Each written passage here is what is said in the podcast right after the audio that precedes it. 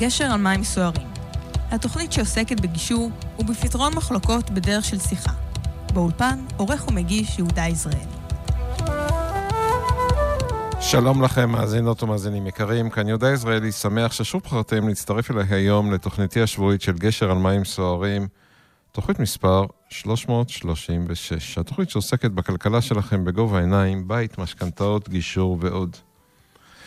ומה בתוכניתנו היום? הפינות, פינת הכוכב שבלב, אנחנו נדבר עם... וואלה, ברח לי השם. עם דוקטור רמי דוברת, אנחנו נדבר איתו על uh, שינויים, על יציאה לפנסיה, אבל לא רק על יציאה לפנסיה, אנחנו נדבר על uh, הרבה נושאים שקשורים על, uh, לשינויי קריירה ושינויים בכלל בחיים. דוקטור רמי דוברת יש לו המון המון ניסיון. בתיבת האוצר שלי, איך אפשר למצוא 6,000 שקל על הרצפה ככה, ישר מתחת לפנס. בבית חלומותי יש בראש גבעה פינת המשכנתה, מה הציע הבנק שקנינו דירה גדולה יותר? הצעה ממש, ממש. גשר על מים סוערים, פינת הגישור, שינויי שכר עתידיים, כיצד מטפלים בזה, ובפינת גשר הזהב, הפינה לגישור משפחתי עם הילה לוי, אה, אנחנו מדברים על איך מתחילים את, אה, את הקטע הגישורי. כאן רדיו אורנים, יהודה ישראלי, בברכת האזנה נעימה.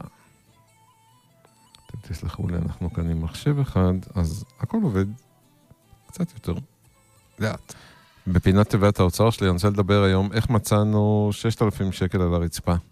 זה לא, זה לא ברור מאליו כשאנחנו מוצאים כסף על הרצפה ככה. אתם יודעים, מתחת לפנס, אבל uh, לפעמים זה כל כך, uh, זה כל כך obvious, זה כל כך uh, ברור מאליו שנמצא, שאני אומר לאנשים, טוב, אני, אני לא בטוח, אבל נראה לי שאנחנו נמצא.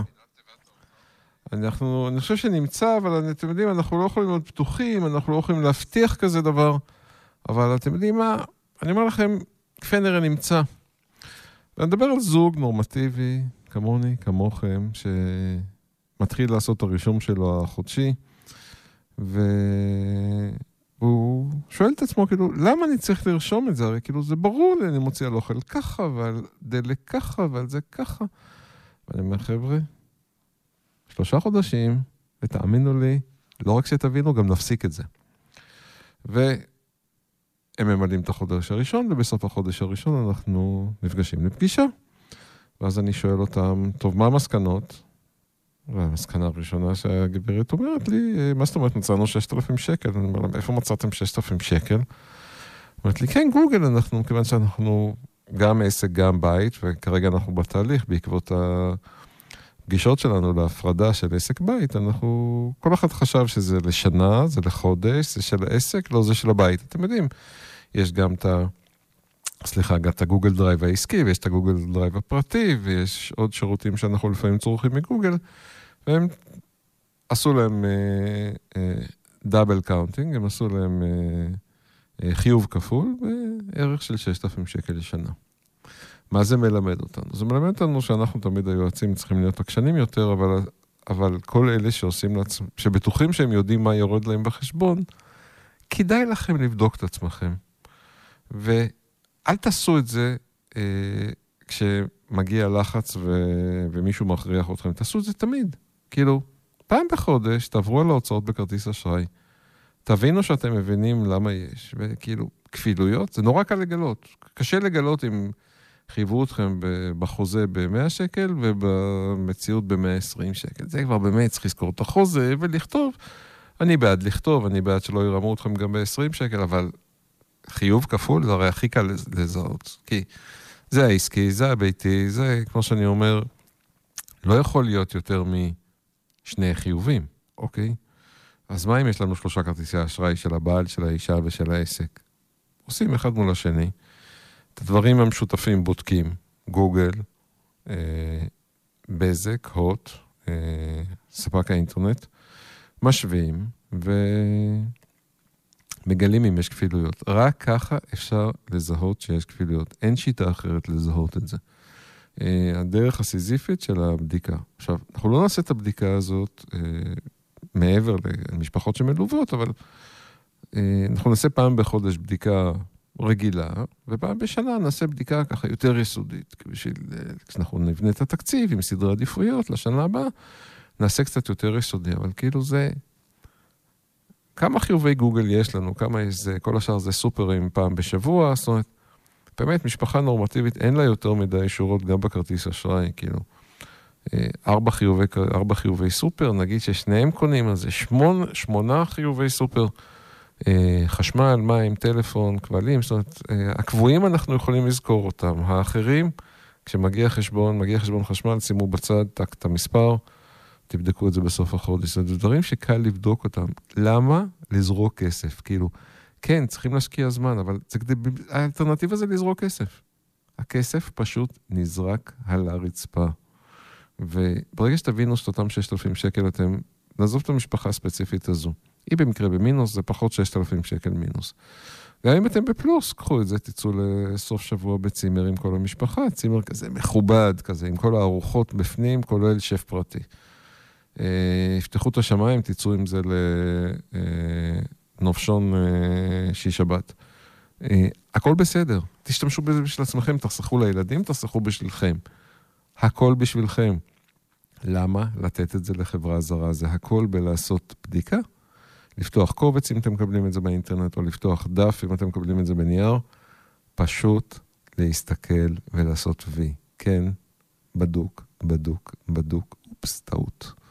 חבר'ה, אני כל הזמן אומר שהכסף הזה זרוק על הרצפה, תרימו אותו, תבדקו את עצמכם, תגלו הרבה כסף על הרצפה, ותשתמשו בו לצרכים שלכם. אני הרי לא אומר לכם ממה להשתמש בו, אתם מחליטים.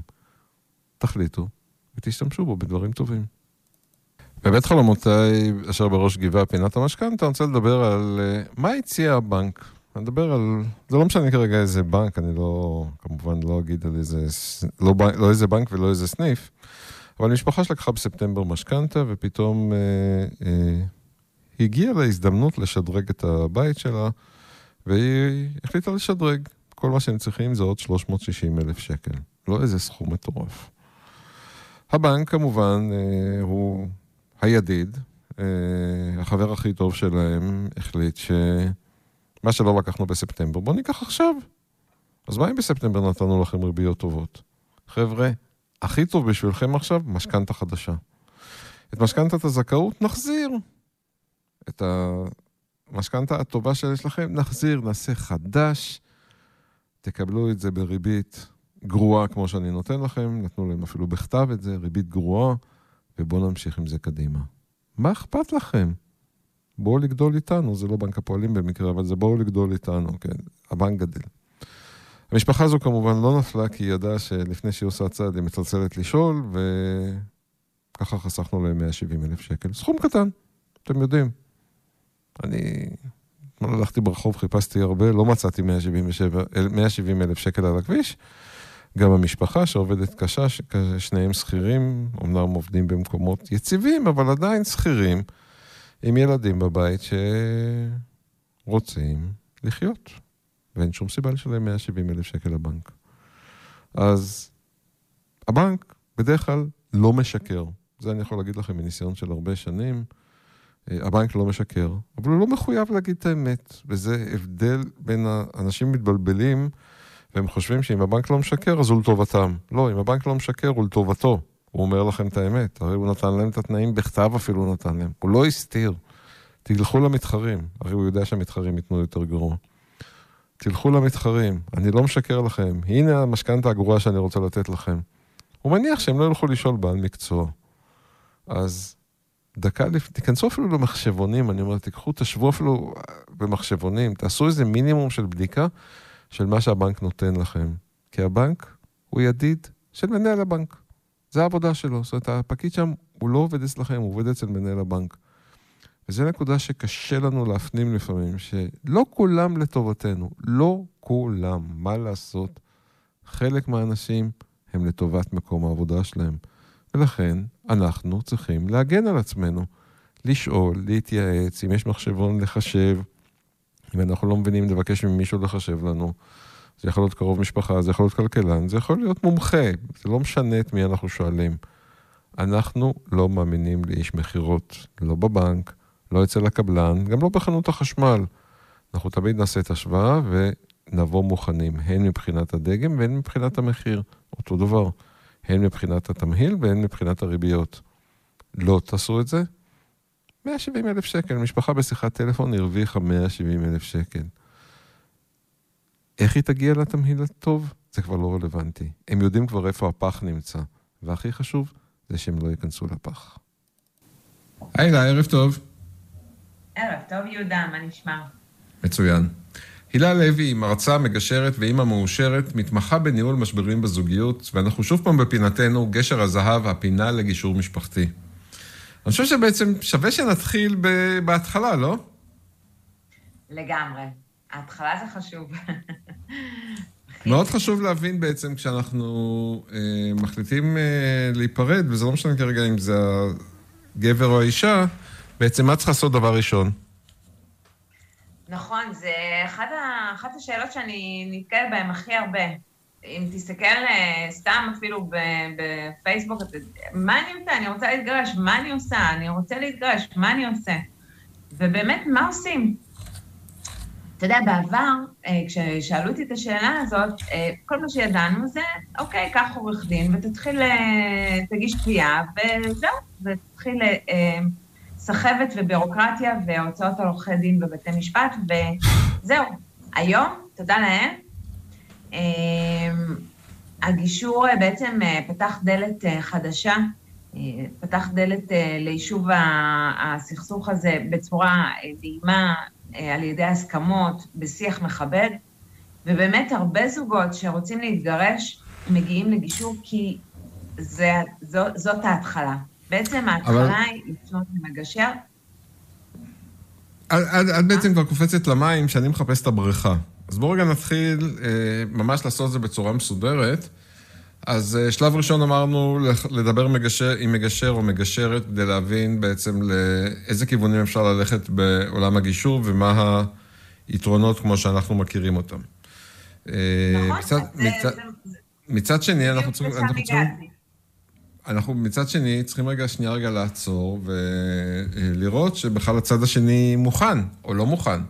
אנחנו צריכים להבין מה המצב שלנו יחסית למצבו של הצד השני. האם הוא גם החליט, וזה סתם אני אמרתי ראשון או ראשונה, או שהצד השני בכלל עוד לא יודע ואנחנו הולכים להפיל עליו מה שנקרא שק אה, של מלט 50 קילו על הראש. אז מה באמת עושים במקרה כזה, יהודה? אם צד אחד רוצה והצד השני עוד לא, בכלל לא ידע שזה בכלל בראש של הצד ה... אז קודם כל צריכים לחשוב איך אנחנו מספרים את זה. זאת אומרת, אם, גם, גם פה, דרך אגב, אם אתם רוצים לעשות את זה בצורה נכונה, תשאלו, תשאלו בעלי מקצוע. המגשר הוא רק אחד שיכול לעזור לכם, יש דברים שאסור לו להתערב כדי להמשיך להישאר אובייקטיבי, אז הוא לא יוכל ממש להיכנס לדיון. אה, אבל זה באמת הנקודה, להכניס בעלי מקצוע, כדי שכל התהליך יהיה אה, אה, נכון יותר. אנחנו מדברים על הצד השני, אנחנו מדברים אחרי זה על הילדים, גם, גם הם צריכים לדעת באיזושהי נקודה, לא בהתחלה בטח, אבל הם צריכים לדעת באיזושהי נקודה וצריך להבין איך להעביר להם את המסר. כן, זו החלטה לא קלה, ולכן היא צריכה לעשות ברגישות נכון. מאוד רבה. נכון מאוד, יש פה באמת אה, מורכבות, מדובר פה בדיני נפשות. אה, כשצד אחד מחליט להתגרש והצד השני עוד לא יודע את זה, אה, זה צריך להיות מאוד ברגישות באמת, ותוך התייעצות עם איש מקצוע, כמו שאמרת. זה יכול להיות פסיכולוג, זה יכול להיות מאמן, מטפל כלשהו, מטפלת זוגית או מטפל זוגי, עובדים סוציאליים. באמת אנשים שנותנים אה, מענה, ל, אה, אה, מענה רגשי לכל הנושא הזה. חשוב מאוד, חשוב מאוד. יש פה, צריכים להבין, צריך להבין שאחד הדברים שאנחנו, קשה לנו לעשות, מאוד קל להגיד, אבל קשה לעשות, זה, אנחנו הרי מדברים פה על משהו שהוא מאוד עם אמוציות. זאת אומרת, גם אם לא רבנו ולא זרקנו כיסאות אחד על השני, הרי זה שהיא יוזמת זה הוא מלא מלא מלא מלא בבטן. מלא מלא כעסים ואי הסכמות, נכון, או כל מיני דברים, אפילו כאילו דברים לא, שוב פעם, לא צריכים להגיע לזריקת כיסאות בשביל אה, לשמור בבטן. ולכן אנחנו צריכים להבין ששלב ראשון מאוד כדאי שאנחנו, מה שנקרא, נשים את הרגש בצד וניכנס לתכלס האמיתי שהוא בלי רגש, אלא הוא עם שכל. כן, אבל יהודה, זה easy said and done, מה שנקרא, כי בשעת משבר, אה, מאוד קשה לנו לשים את האמוציות בצד ולעשות החלטות שקולות, ובאמת אה, לראות את הצד השכלתני של העניין, אבל אם יש לנו את הידע שמה שאנחנו צריכים לעשות מובנה לנו, אז קצת יותר קל, אוקיי? כי אם אני בשעת משבר פועלת אה, מתוך אמוציות ומתוך אה, שנאה ופגיעות ולא יודעת, וטינה, אבל אני יודעת, in the back of my mind, ב- ב- ב- מאחורי, ה- בתת מודע שלי, אני יודעת שמה שאני דבר ראשון צריכה לעשות זה לדבר עם אה, מגשר או מגשר, אז זה מה שאני אעשה. אבל זה מה שאמרנו, לדבר עם בעל מקצוע. בעל מקצוע זה יכול להיות מגשר או מגשרת. זה יכול להיות... לא, רגע, רגע, רגע, רגע, שנייה, שנייה. אני החלטתי שאני רוצה להתגרש, אוקיי? דבר ראשון, מה אני עושה? קודם כל, מרימה טלפון למגשר או מגשרת שהם ינחו אותי.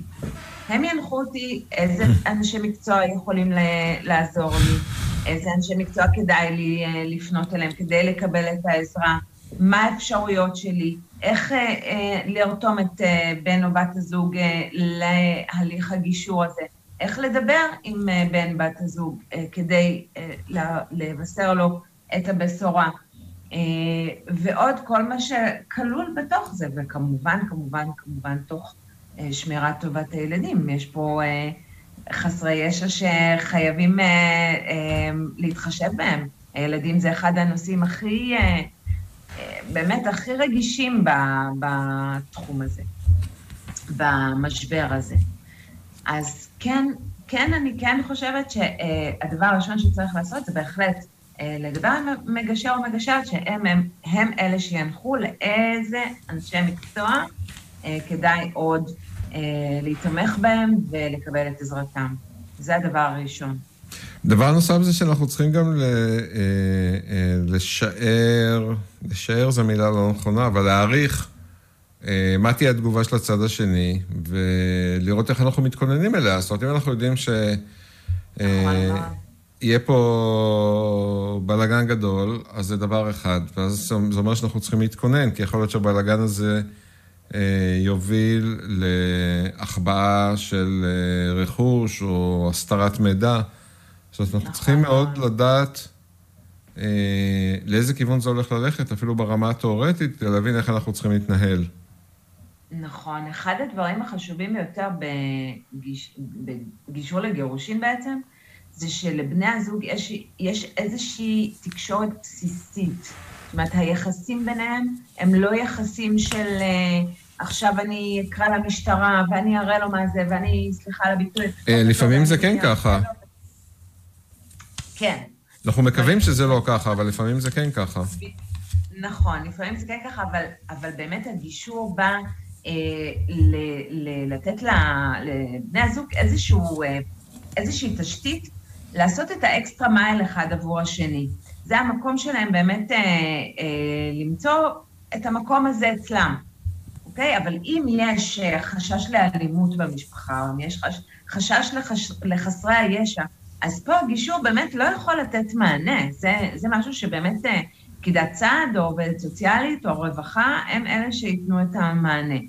הגישור באמת יכול לבוא לעזרה לבני זוג שרוצים מגרש, אם יש ביניהם איזושהי תקשורת בסיסית. לא חייבת להיות תקשורת טובה, כמו שאמרנו, יש רצון לפגוע במישהו שפגע בך, או יש פגיעות נוראית, או שנאה או טינה, הכל בסדר, אבל אפשר לשבת אחד ליד השני ולדבר, זה הבסיס. בלי זה, זה מאוד מאוד קשה.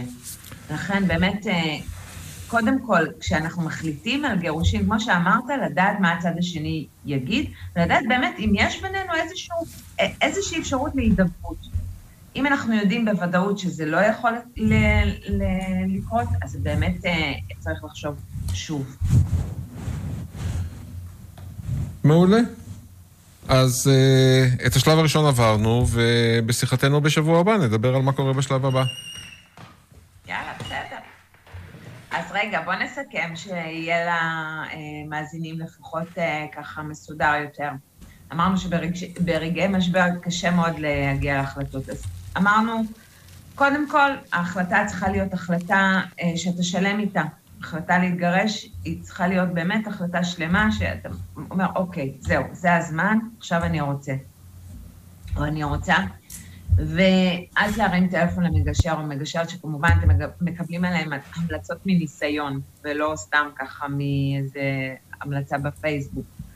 ודבר שלישי, אה, אם צריך להגיע למדריכת הורים, לפסיכולוג ילדים, לפסיכולוג לטיפול אישי שלכם, למאמן, לעובד סוציאלי, לרווחה, כמובן, אה, לעשות גם את זה במקביל. ודבר רביעי, לשמור על הילדים, אוקיי? זה גם אה, איש מקצוע ינחה אתכם איך לעשות את זה, מתי לעשות את זה, מה לעשות בדיוק, כדי שהם לא ייפגעו בכל ההליך הזה. כן, זה הדבר הכי חשוב, זה הדבר הכי חשוב שאתם צריכים לזכור את זה כל הזמן. אה, לשמור על הילדים, לשמור על הילדים, אה, שהם לא ייפגעו. נכון מאוד, נכון מאוד. אז בנימה אופטימית זו, יהודה, אנחנו ניפגש בפינה הבאה. מאה אחוז. שבוע טוב. שבוע מצוין. ערב טוב, אה, דוקטור עמי דוברת. ערב טוב. דוקטור עמי דוברת הוא יועץ ארגוני ומרצה באקדמיה, מתמחה בתהליכי פרישה מהעבודה. אני רוצה להתחיל לחזור למקורות. אה, מה זה בכלל מדעי ההתנהגות? אני ראיתי בהיסטוריית העשייה שלך, שאתה התעסקת עם מדעי ההתנהגות. מה זה?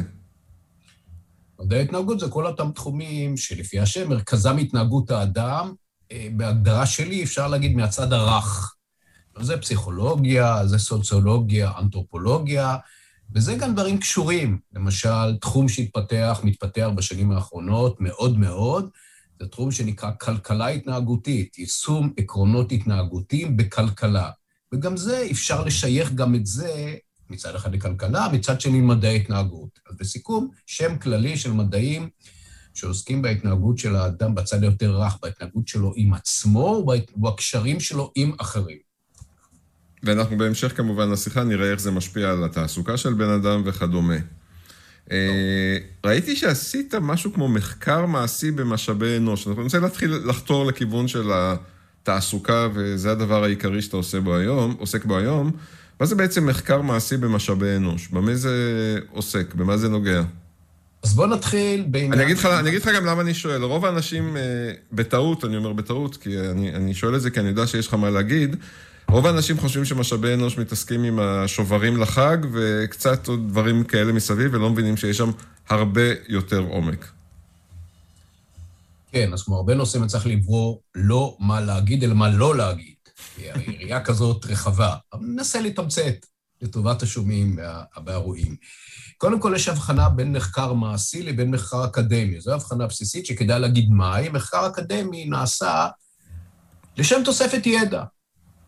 להוסיף ידע על תחום מסוים, בדרך גם אנשים מוסיפים פרסומים, שזה חשוב מאוד באקדמיה, אבל זו המטרה המרכזית, להוסיף ידע. וכאן ההבדל החשוב, הידע הזה לא יכול, אבל לא תמיד יתווסף בגלל איזושהי בעיה פרקטית או מעשית. יש שם גם הרבה דברים תיאורטיים, גם לא, אבל הרבה דברים תיאורטיים. לעומת זאת, מחקר מעשי הוא נועד לענות על בעיה פרקטית, בעיה מעשית שחשוב למישהו לדעת אותה, או את התוצאות של המחקר הזה, בכדי לתכנן את דרכו הלאה.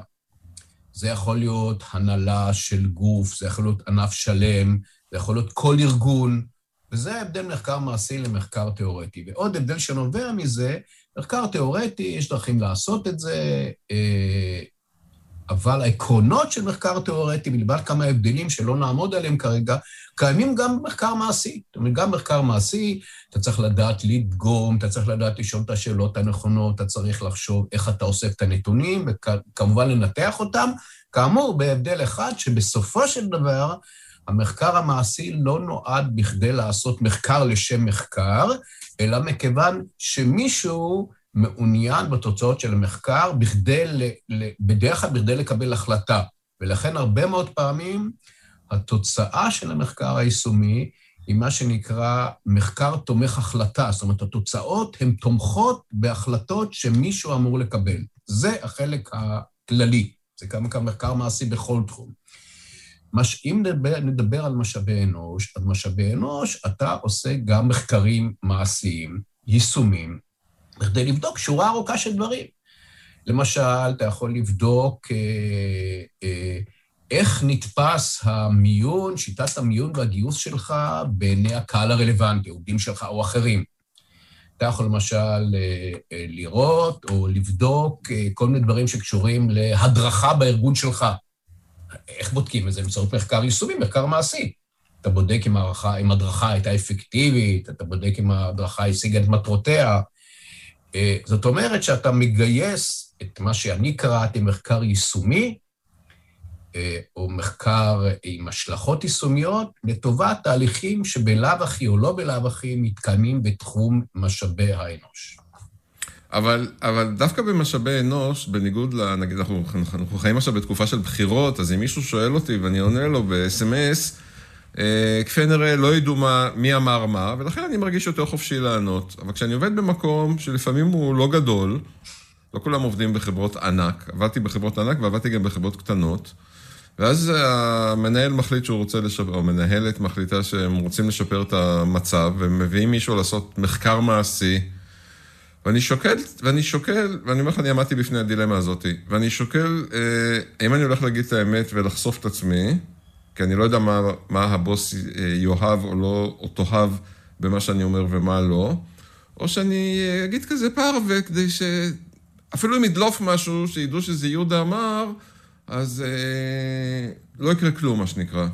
איך אנחנו דואגים שזה יהיה באמת עם תוצאות אמיתיות? אוקיי, okay, אז קודם כל זה כמובן שייך לתחום המומחיות של איסוף נתונים. אז קודם כל הבחנה מאוד מאוד ברורה בין מה שנקרא אה, מחקרים, סקרים, שאלונים אנונימיים ושמיים. אז תכף אני אתייחס גם לעניין של חברה קטנה. אז אם החברה היא מספיק גדולה, בלי להתייחס לשאלה מה היא גדולה, אתה עושה סקרים אנונימיים. אגב, גם היום, גם יש דרכים היום, גם באמצעות המחשב, לערבל את הדברים, ככה שלא תדעו מאיזה מייל התשובה הזאת נשלחה. הבעיה היא זה האמון, זה לא, זה לא, יכול להיות שדרך אגב ההנהלה היא אמיתית. ההנהלה לא רוצה לזייף, בסדר? אני אומר כאילו דווקא ההנהלה אמיתית, האמון של העובד. זו תשובה מאוד נכונה, זו נקודה מאוד נכונה, אני אגיע לזה, מה שנקרא שלב שלב. כן. מה שנקרא step by step. שאלו את פעם את ג'ורג' בוש, איך, איך איך נפתור את הבעיה הפלסטינאית, ג'ורג' בוש הבן? הוא אמר, it's very simple, step by step. אה, כן, אז בואו נעשה step by step. אה, אז הדבר הראשון זה באמת הבחנה בין משהו אנונימי למשהו שמי. כאשר יש לך חברה גדולה, אז יש לך אפשרות פיזית או טכנית, זה גם תלוי איך עושים את זה, זה חלק מהמומחיות שלי ושל אנשי מחקרים אחרים, איך לעשות את זה בצורה אנונימית, שגם האנשים ידעו שזה אנונימי, אוקיי? שידעו שזה אנונימי, לא יודעים מי זה. זה חלק הראשון של התשובה. החלק השני של התשובה, זה תלוי באיזה צורה אתה אוסף את הנתונים. הרי אם אתה אוסף את זה בשאלון, אז כמובן, אנונימי, אתה יכול לפתור את זה. אבל אם אתה מראיין כמה זה לא יכול להיות אנונימי, אם אני יושב מולך, וכפי שאתה אמרת, אתה עובד בארגון, אז אתה יהודה. וכאן, עשית לי כבר את העבודה, כאן, אתה כאן נכנס באמת לשאלת האמון. כי שום דבר באמת לא יכול להחליף אמון בעניין הזה, ויש הרבה מחקרים שמראים את הדבר הנורא נורא פשוט, שגם שהשאלון אנונימי, אם אין אמון, אז הרבה מאוד משיבים בטוחים, גם אם זה לא נכון, שבקלות המעסיק או כל מי שאחר יכול לגלות אם זה ענה רמי או יהודה על השאלון הספציפי. זאת אומרת, התשובה שלי מחולקת לשניים, כפי שאמרתי, אחד אתה נתת בעצמך, אחד דברים טכניים שאתה יכול להראות לאנשים נעשה באופן אנונימי, וב' השאלה של האמון. עכשיו, האמון היא שאלה באמת מאוד גדולה, אתה אמרת, אני יכול לדבר על זה כמה דקות אם תרצה, כן, על כל נושא האמון. כי האמון הוא דבר מאוד בסיסי ביחס בין הנהלה של ארגון לבין העובדים, ועובדים הרבה פעמים רוצים לדעת, וכאן נכנסים לבעיות, רגע, למה בכלל אוספים את המידע הזה? למה אוספים את המידע הזה? אני זוכר שהייתי צעיר ועברתי הרבה תהפוכות אה, אה, בתעסוקה, ואולי זה כאן בסוגריים אני אגיד, אם תרצה נחזור על זה, הג'וב הניהולי הראשון שלי, המנהל בחברת ביטוח. תגיד, מה, למה? אבל זה לא מה שרציתי לספר. מה שרציתי לספר זה שהייתי שם מנהל מאוד צעיר, אני יודע, בן 28, 9, משהו כזה, פתאום התחילו להסתובב אנשים בלתי מזוהים מבחינתי במשרדים, ומדי פעם אחד מהם נכנס למישהו ודיבר איתו, ואחד מהם גם נכנס אליי. אני לא אגיד איזה ארגון זה היה, גם לא קיים היום, אבל לא, לא ניתן שום הסבר לעובדים למה מסתובבים, ולמנהלים ודאי זוטרים יותר, למה מסתובבים אותם אנשים במסדרונות הארגון, מה הם רוצים, מה המטרה שלנו בכך שהזמנו אותם וכך הלאה וכך הלאה וכך הלאה. אז בואו נחזור לנושא הגדול שאמרת, אמון. איך, אה, כמובן האמון הזה לא נעשה ביום אחד לכבוד זה שבא מישהו מבחוץ, זה ברור. אבל אם יש אווירה שהעובדים לא חושבים שכל הזמן מנסים לסדר אותם או לדפוק אותם או לעשות שינויים מעל ראשיהם רק בכדי שיהיה להם פחות טוב ולבוסים יותר כסף בכיס, אה, אם זה קיים ככה, יש גם דרכים איך להיכנס ולאסוף מידע בארגון. כי צריכים להבין דבר שרוב האנשים לא מבינים, רוב, אוקיי, לא נגזים, אנשים לא מבינים גם שעושים מחקרים, שעצם זה שאתה נכנס לארגון, אפילו אם אתה מפעיל שאלונים אנונימיים, זה כבר סוג של רע, סוג של התערבות, סוג של שאלה שישאל העובד יהודה, העובד רמי, העובד מוישה, או עובדת חניתה, רגע, מה פתאום שולחים לי שאלון כזה? אלא אם כן זה שאלון, וכאן נדבר לעוד משהו, ואתה תכוון אותי לאיזה כיוון, איזה אם כן מדובר על סקרים תקופתיים, ששם זה כמובן יותר קל. אם יודעים שפעם בשנה עושים סקר בארגון, אז העובד לא ישאל כל פעם למה, כי, כי יש סקר פעם בשנה, רוב הארגונים לא עושים את זה, זה מצריך כמובן מערך הרבה, מאוד גדול. אבל עצם העובדה שנכנסת ומתחיל לאסוף חומר, אני אפילו יותר מחמיר ממך, כן? אנונימי לחלוטין, לא, אף אחד לא נפגש עם אף אחד, זה כבר סוג של התערבות. ואני חוזר למה שסוגר את המעגל למה שאתה התחלת. אם לא נעשים מאמצים שיטתיים או התנהגות שיטתית של הנהלת הארגון בכדי שייווצר אמון בין העובדים לבין הארגון, כל הדברים שאתה לא תעשה יהיו מוטים ומושפעים מחוסר האמון הזה, כולל איסוף נתונים. אני יכול להגיד לך שעבדתי בחברה של 50 איש, בכל, 50 איש בכל העולם, כן? והם הביאו איזשהו מכון שעשה בדיקה. הבחורה שם, טסנו ביחד בטיסה לארה"ב, שלחו אותה לארה"ב, לסניף בארה"ב. היא רכשה את אמוני, דרך אגב, היא עמדה באמון הזה, אני, זה לא הפואנטה, הפואנטה היא, זה לא זו, היא עמדה באמון, היא לא, היא, כל מה שסיפרתי לה, היא לא העבירה עם השם שלי. אה, אבל בסוף ההנהלה לא עשתה עם זה כלום. והאכזבה שלנו, כי הרי כולם, היא הגיעה לכולם, גם בארץ וגם בארצות הברית. והאכזבה שלנו הייתה כפולה כפל כפליים. כי, אתה יודע, ההנהלה היא סוברנית לעשות מה שבא לה. היא בעל המאה או בעל הדעה, וזה בסדר. במיוחד אם זה התנהגותי, כאילו, אתה יודע, העסק שלך, אתה רוצה תהרוס אותו, מה שנקרא. דרך אגב, העסק הזה בסוף נהרס. וזה מה שעצוב לי, כאילו. ו... והם בסוף לא עשו עם, עם זה ממש כלום, כלום, אפילו לא, לא הציגו את זה ברמה של החלטנו אה, לאמץ או לא לאמץ את זה, אבל כולם, אבל כולם התראיינו, 50 איש התראיינו. ו, ואני יכול להגיד לך שוב פעם, פעם שנייה אני אגיד את זה, והם עמדו באמון שלנו, הם באמת לא העבירו את זה שמט. ו, והאכזבה הייתה מטורפת, כאילו. יהודה, יש כאן משולש, והמשולש הזה הוא משולש נצחי. משולש של ההנהלה או דרגים בכירים בארגון, יתר הדרגים בארגון ואיש המקצוע. המשולש הזה משולש נצחי. האמון צריך להיות אמון בין כל אחד לבין השניים האחרים. אם האמון הזה מתערער מאיזשהו כיוון בעניין הזה, אז נוצר איזשהו נזק. זאת אומרת, אז זאת אומרת, אתה הוספת עכשיו, קודם דיברנו על איש המקצוע, אתה הוספת עכשיו את העניין באמת של ההנהלה. אז אתה צודק בשני דברים שאמרת. דבר ראשון שאתה צודק, עצם העובדה ש, שהם מבקשים שיתוף פעולה מאיז, מכל דרג שהוא של העובדים, שהוא לא באופן ההפעלה הרגיל, זה מייצר ציפיות. נקודה, בדיוק מה שאתה אמרת. והנקודה השנייה היא שכמובן שההנהלה יכולה לקחת את ההמלצות ולא לא לעשות איתן שום דבר, אבל הטעות של הנהלות הרבה פעמים זה בדיוק מה שאמרת. זה באיזשהו מקום להפסיק את התקשורת עם העובדים. כאילו, קיבלתי מכם מה שרציתי, איש המקצוע מצוין, אבל קיבלתי מכם מה שרציתי, דהיינו מידע, איבדתי את המידע הזה, כפי שהשתמשתי במושג קודם, המידע הזה מבחינתי היה תומך החלטה ולא החלטתי לעשות כלום. הנקודה האמת שחסרה היא איזה אלמנט של שיתוף. כי זה כמובן שזכותו של הארגון לא לעשות את זה שום דבר, אבל זה לא חכם לא לסגור את הלולאה בכך שיגידו, א', לאנשים תודה, ולא יודע, במקרה שלך נאמרה תודה על ידי הנהלה, וב', תגיד להם, תראו, נמצאו דברים מאוד מאוד מעניינים, החלטנו כרגע לא לשנות שום דבר. אגב, הם לא צריכים לדווח, בואו לא נטעה. ההנהלה לא צריכה לדווח לעובדים, אה, אני אגיד משפט ככה לא פוליטיקלי קורקט אולי, בכל אופן נגיד אותו, אה, ההנהלה לא עובדת אצל העובדים, זה להפך. ההנהלה יכולה באמת להחליט, אבל זה לא חכם לא לסגור את הלולאה על ידי כך שנגיד, השתתפתם, א', תודה, וב', חשבנו, חשבנו, חשבנו, החלטנו כרגע לא לעשות שום שינוי או שום צעד בנושאים שהיו על הפרק.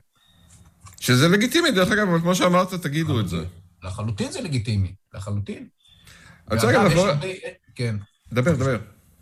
לא, אמרתי, יש הרבה ארגונים שאולי עושים עוד יותר דבר שעוד יותר קשה, אבל, אבל הוא מביא תוצאות שאומרים לעובדים שעונים, תראו, אנחנו נמצא את הדרך אה, לעדכן אתכם בעיקרי הממצאים.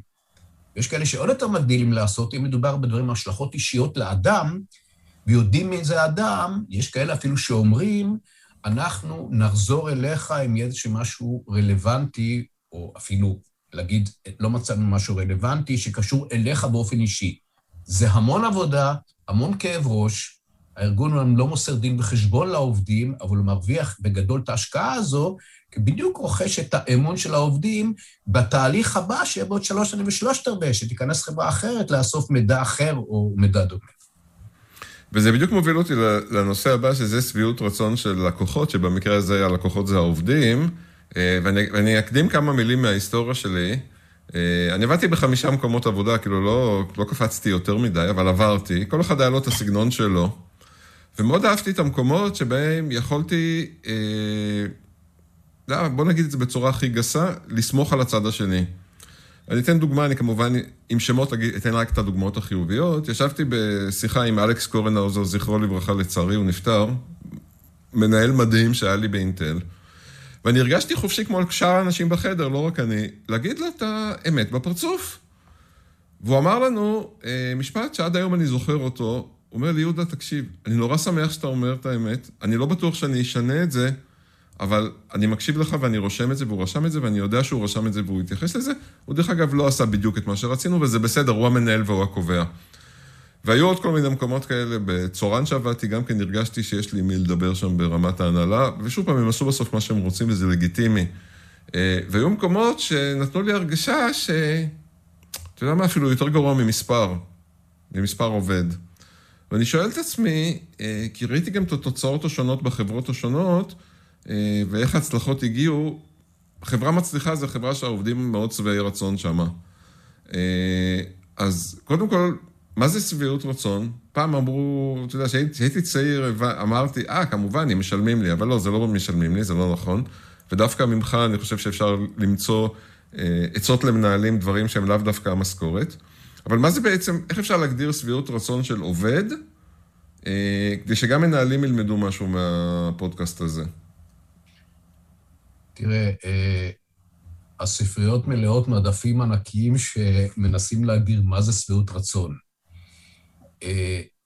ויש כל מיני גישות למושג של שביעות רצון, ולנתח מה זה מורכב. אז יש גישה קלאסית שאומרת, בואו ניקח את uh, תפקיד של אדם, נחלק אותו למרכיבים, זו גישה קלאסית שאומרת, רגע, אז יש מרכיב, כמה אוטונומיה יש לו, כמה זה מעניין, האם הוא מקבל הדרכה מספיקה למלא את תפקידו, סוגיות שונות שקשורות לתנאים, אם השכר טוב בעיניו וכך הלאה וכך הלאה וכך הלאה, אומרת, אוקיי, אז נעשה איזשהו משהו אה, מצטבר, שהוא ישקלל את כל הדברים האלה, וזו גישה אחת. יש גישה שאומרת, תראה, בוא, זה דבר אקדמי מאוד מאוד כבד, בוא נוסיף או נחליף אפילו, ולשאול שאלה מאוד פשוטה. או שאלה, שהיא תהיה שאלה אחת, שביעות רצון כללית שלך מהארגון או מהעבודה, בלי להיכנס למרכיבים, או לחילופין, עד כמה היית רוצה, שלא תחליפיות, עד כמה היית רוצה להמשיך לעבוד כאן, עוד כמה היית ממליץ לחבר שלך לעבוד כאן. למה נוקטים בגישה הזאת? מכיוון ששביעות רצון הוא מושג א', חמקמק לפעמים, מרכיביו שונים, וכאן מגיעים לבעיה העיקרית. אה, שביעות רצון שלי, בדיוק מאותו דבר, לא תהיה שביעות רצון שלך. אז הוא אומר, אוקיי, אם ככה, בוא נלך בכלל הסתכלות סובייקטיבית.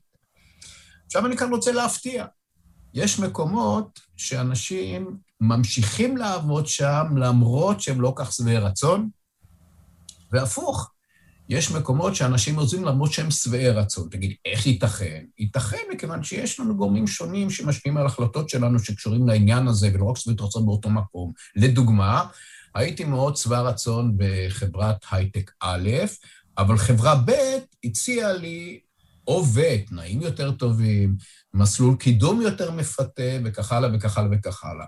או לחילופין, אה, אני, זה, אני שבע רצון, הלכתי לעבוד במקום אחר. או אני לא שבע רצון, אבל אה, זו תקופת קורונה, ואני חושב, בצדק או שלא בצדק, שאין הרבה אפשרויות למצוא עבודה אחרת, והתחייבתי לכל מיני דברים שאני צריך, והמשכורת טובה, נשאר וכך הלאה. זאת אומרת, ההנחה שמאפיינת אנשים מהתחום שלי, אז זה כאילו, זה לא גול עצמי, אבל ההנחה שזה אחד לאחד, זאת אומרת, הם אנשים שבעי, בואו נעבוד שאנשים יהיו שבעי רצון ואז הם יישארו, לחלופין, אם לא שבעי רצון ואז יעזבו, היא הנחה נכונה, אבל רק באופן חלקי. שים לב מי אומר, זה איש מדעי התנהגות, שעובד להעלות את שביעות הרצון בארגון. אגב, זה נכון גם לגבי לקוחות. אם אנשים שלא מנהלים ולא עוסקים בזה ביום יום, שואלים את עצמם איך ייתכן, ישאלו את עצמם כמה מוצרים הם ממשיכים לצרוך אותם למרות שלא מרוצים, והפוך, כמה מוצרים לעתים אפילו הם מפסיקים לצרוך אותם למרות שהם כן מרוצים. אז מי שככה לא מבין את הפרדוקס הזה, שיסתכל על התנהגות צרכנית רגילה.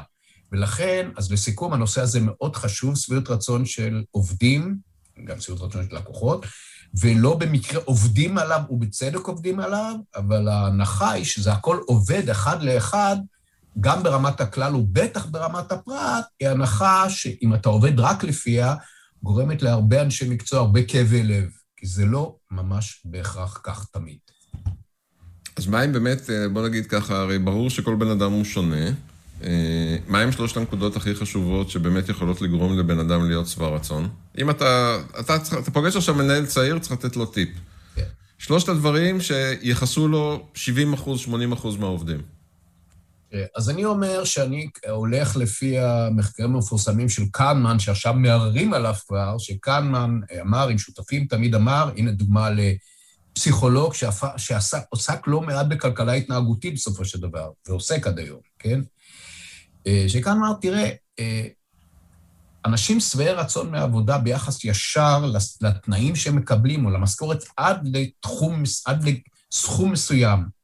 מספר הקסם שקלמן אה, נקב בו, והרבה אנשים הסכימו, ועכשיו התחילו קצת לערער על זה, זה 75 אלף דולר משכורת. עד לשם, ככל שיש לך פחות, בוא נלך באופן שלילי, אתה פחות שבע רצון. כשאתה מגיע לזה מעל הסכום הזה, אז מה שמשפיע כבר זה לא השכר, זה לא שאם תרוויח 150 אלף דולר, אז תהיה פי שתיים יותר מרוצה מאחד שמרוויח 75 אלף דולר. אז דבר ראשון שהייתי אומר, כמובן, זה איזשהו שכר, מעל לסכום מינימלי, וכאן נכנסים הבדלים אינדיבידואליים, דרך אגב, מעל לסכום מינימלי שאדם רואה או קובע לעצמו.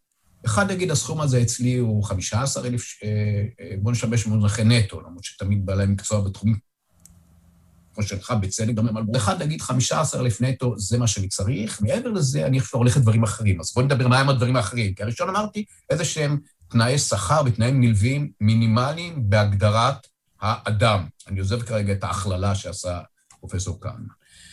הדבר השני, המאוד מאוד חשוב, הייתי אומר משולש. הדבר השני מאוד מאוד חשוב, זה סוג של חשיבות, משמעות, עניין. זאת אומרת שהדבר שאני עושה יעניין, וכולנו יודעים שבמקצועות שמרוויחים יותר, מרוויחים הרבה, אז העניין הזה מאוד מאוד בולט. יש אנשים, והכרתי כאלה לא מעטים, שמרוויחים הרבה, אבל מאוד לא מרוצים. יש איזה רואה חשבון שיצא לי גם קצת לעבוד איתו, זה ככה תכף נגיע לעניין השלישי, אמרתי שלושה. ראשון זה התנאים, השני זה משמעות, עניין משמעות. אז אותו רואה חשבון שהקים משרד גדול, משרד גדול בקנה מידה ישראלי, ועדיין הוא שם, הוא אומר, תשמע, רמי, לא מעניין אותי כבר המקצוע של ראיית חשבון. אז אני אומר, תגיד לי, אה, חיים כשם בדוי, לא קיבלתי רשות לספר את הסיפור ממנו, חיים כשם בדוי, תגיד לי, אה, אז אוקיי, אז איך אתה שומר את השלהבת שלך בעבודה? אז אני אגיד לך את האמת, כל פעם אני מחפש פרויקט. אנחנו כמה וכמה שותפים, למשל, לפני כמה שנים לקחתי על עצמי הפרויקט של עיצוב המשרד מחדש. וכל פעם שאנחנו מגיעים למצב שצריכים לשכור משרדים אחרים, אני עושה את זה. למה אני עושה את זה? כי אני עובד הרבה בתור חשבון, אני מכניס לחלוכית, אבל לא מהתחום. אז הדבר השני, לחפש משמעות ועניין למה שאני עושה. והדבר השלישי, בייחוד לגבי אנשים יותר צעירים, אמרת, אם שואל אותך מנהל צעיר, זה אפשרויות התפתחות, אפשרות התקדמות, לאו דווקא בארגון הזה. מושגים של להישאר בארגון עשרות שנים, אנחנו יודעים, השכיחות שלו הולכת ויורדת, ודאי בשוק הישראלי, אולי יכשיר אותי למקומות אחרים, אבל איזושהי הסתכלות לעתיד, שאני אוכל משם לפרוץ את דברים אחרים. אם היית שואל אותי, אלה שלושת הגורמים החשובים, אליהם מתפסים כמובן יחסים בעבודה, ואיך מתייחסים אליהם, על כל מיני דברים. כבר אמרתי קודם, בשאלה הקודמת, ששביעות רצון זה מושג מורכב, שמורכב בהרבה מאוד משתנים. היית שואל אותי, רע, מנקודת מבטך שלך, גם עשו על זה הרבה מחקרים שתומכים במה שאני אומר, או פחות תומכים, הם שלושת הדברים תנאים, משמעות ועניין, ואפשרויות התפתחות וגידול. תשמע, זה מזכיר לי משהו שלא קשור למקומות עבודה, לאיזשהו רופא פה באזור הצפון, אני לא אגיד אפילו באיזה ענף, כן? שיום אחד אה, נמאס לו, ופשוט, אני לא ידעתי את זה עד שלא חיפשתי רופא בתחום הזה, כן? אה, והוא פתח אה, כזה בנד של מוזיקה, הוא אוהב לנגן. ויום אחד חיפשתי רופא בתחום הזה, ו... וזה בן אדם שאני הכרתי אותו אישית, כי הוא... אחותו למדה איתי ביסודי. ואמרו לי, אל, תיג... אל תיגש אליו, הוא כבר בתזמורת שלו, הוא כבר לא... הוא, כבר... הוא בא למשרד רק בשביל להעביר את השעון. אה, כן. אה, וזה בדיוק הנקודה, כמו אותו רואה חשבון שדיברת עליו, שכן, הוא ממשיך מכוח האינרציה, אבל טוב, אם יש איזה פרויקט חדש, בוא נעשה, בוא נעשה אותו. אבל הוא עדיין רואה חשבון טוב, אני חייב להגיד. אה, כן, זה החלטה, זה קבלת החלטה כמובן. אז בואו רגע נעבור לפרישה, ואני רוצה לחלק את הפרישה לשלושה סוגים. בואו לא נקרא לזה פרישה, נקרא לזה מעברי עבודה. אוקיי. Okay. אה, ואני חושב שגם אתה מדגיש את זה בצורה הזאת. יש מעברי עבודה כשאנחנו צעירים, יש מעברי עבודה בגיל 45 כזה, יש מעברי עבודה בגיל המבוגר ויציאה לפנסיה. ואני יכול להגיד לך ש... אני כל פעם, דרך אגב, ניסיתי בדיוק את מה שאתה אמרת, כי מישהו יעץ לי, אני, אני אוהב להקשיב לאנשים. הוא אמר לי, תקשיב, אתה מגיע למקום עבודה, תיתן את המקסימום. למה? כי זה המדרגה שלך למקום הבא. אה, ואז כולם מבסוטים. אתה עושה דברים שיקדמו אותך קדימה, המקום העבודה הנוכחי שלך מקבל, ערך, שזה מה שתמורת המשכורת שלך אתה נותן, וכולם יוצאים מזה מבסוטים. ולכן אני שואל, אה, בעצם, מעבר לקריירה חדשה, שזה יכול להיות או אותו מקצוע או לא אותו מקצוע, אני רוצה שתחלק לי את זה לשלושה חלקים, בגיל הצעיר, בגיל ה-40 ו, ובגיל ה-50 פלוס, שכבר יוצאים לפנסיה, איך, איך צריכים להתייחס לזה? טוב, אני חושב שהחלוקה שלך מאוד נכונה. דווקא אני אתחיל במשהו כללי יותר, מאוד חשוב כאן. אה, התחזיות של עולם העבודה בעתיד הקרוב, בעתיד היותר רחוק, אומרים דבר מאוד, אומרות, אומרות, דבר מאוד מאוד פשוט. זאת אדם שנכנס היום לשוק העבודה, בשנות ה-10 מוקדמות שלו, בממוצע יהיה לו בין שתיים לשלוש קריירות. לא מקומות עבודה, מקומות עבודה אתה יכול שתיים, שלוש קריירות שונות. אז כמובן זה ממוצע, אחד יהיה לו חמש, אחד יהיה לו רק אה, שתיים, בסדר. זאת אומרת שהעניין... אז למה, סליחה שאני עוצר אותך. כן. כי דרך אגב, את העצה הזו אני קיבלתי לפני 35 שנה ממישהו, אה, ואחרי זה אני לא רוצה לדבר עליי, כי זה לא, אני לא הנושא פה. אבל למה שאני אומר את זה היום לאנשים, בני 49, הם, הם בהלם ממה שאני אומר להם, כאילו, סליחה, זה לא רק אתה ואני רואים את זה, הרי זה ברור לך, כן? על הנושא של הקריירות אני מדבר. הבנתי, אני אענה לך על זה במשהו אחר, יותר קשור לתחומים שלך, ואולי זה קשור לנושא שלנו. אה, למה כל העולם המערבי, אולי אתה תוכל לענות על זה יותר, אני שואל למה כשאלה אה, כשאלה רטורית. כל העולם הערבי התעורר, מה שקרוי משבר הפנסיה, כל כך מאוחר, אז הרבה אנשים, וגם חברות שלמות, ניצבים בפני מציאות מסוימת, שהם לא אה, מוכנים להודות בה, או להשלים איתה, או יותר מזה, לחשוב שצריך לעשות משהו, עד מה שנקרא, זה, זה ניסה להם בום מול הפנים. ומדוע, אני עונה לך דווקא בשאלה, למרות שזה שאלות שהתשובות ברורה, מדוע אה, אה, בדרך כלל אצל אנשי ההייטק, ככללה גסה כמובן, זה נתפס כדבר אה, יומיומי, שאנשים עוברים מארגון לארגון אחרי תקופה קצרה, ואפילו משנים, רחמנא ליצלן, התמחות בתוך עולם ההייטק, ובחלק גדול מהענפים האחרים, אנשים לא עושים או אפילו מופתעים. זאת אומרת, זה איזשהו תהליך, אני אומר, יש כאן מהפכה חברתית בכל העולם המערבי, שאני חושב שהם לא מספיק מדברים עליה.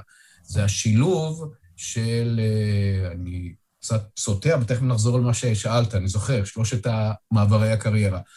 השילוב של אה, תוחלת החיים הארוכה, ובאופן ממוצע אנשים חיים לא רק יותר שנים, אלא באופן ממוצע כמובן, מצבם הפיזי והנפשי טוב יותר, והפרישה היא כמעט לא זזה, וזה נושא נפרד שלא לא נעמיק בו אם לא תרצה, אבל פרישה כמעט לא זזה, זאת אומרת, לאנשים נשארים עשרות שנות חיים.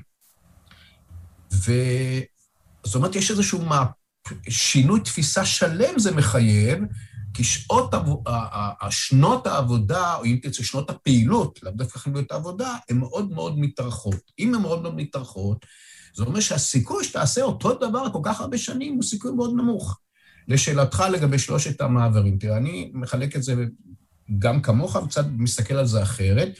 יש את השלב של אדם צעיר, שהוא למעשה, אנחנו במקורות, הוא בר לו, או יבור לו את דרכו, הוא מחפש את דרכו, בצורה יותר טובה, פחות טובה, או מצליח.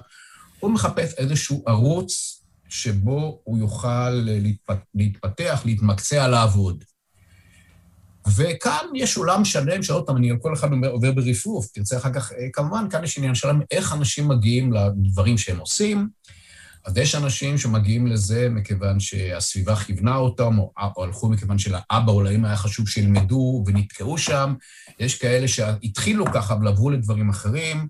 יש כאלה שהיו פחות חשופים להשפעות חיצוניות, אז באמת הלכו לאיזה תהליך ייעוץ יותר מסודר ובחרו מה שבחרו, וכל אחד מגיע בדרך אחרת, אבל אנשים הולכים לאיזשהו ערוץ, או שנשארים בו הרבה שנים, בבחירה מוצלחת יותר, מוצלחת פחות, או שמשנים, אבל ישנה איזושהי אה, הסתכלות מסוימת על עולם העבודה, וברור מה שלא אמרתי, ברור שברירת המחדל אצל כולם בגילאים האלה, אצל אנשים מסוימים זה לעבוד, כן? אז צריכים לבחור איזה קריירה, בסוף בוחרים אותה. כן? אם יודעים אקדמאים בלי, אז זה סיפור, זה פלח שוק אחד. ושם כמובן אני הייתי מציע להדגיש את כל הנושא באמת של ההתייעצות והחשיבה, איפה אני הולך. שום דבר לא אבוד, ואתה יכול לשנות, גם אני שיניתי.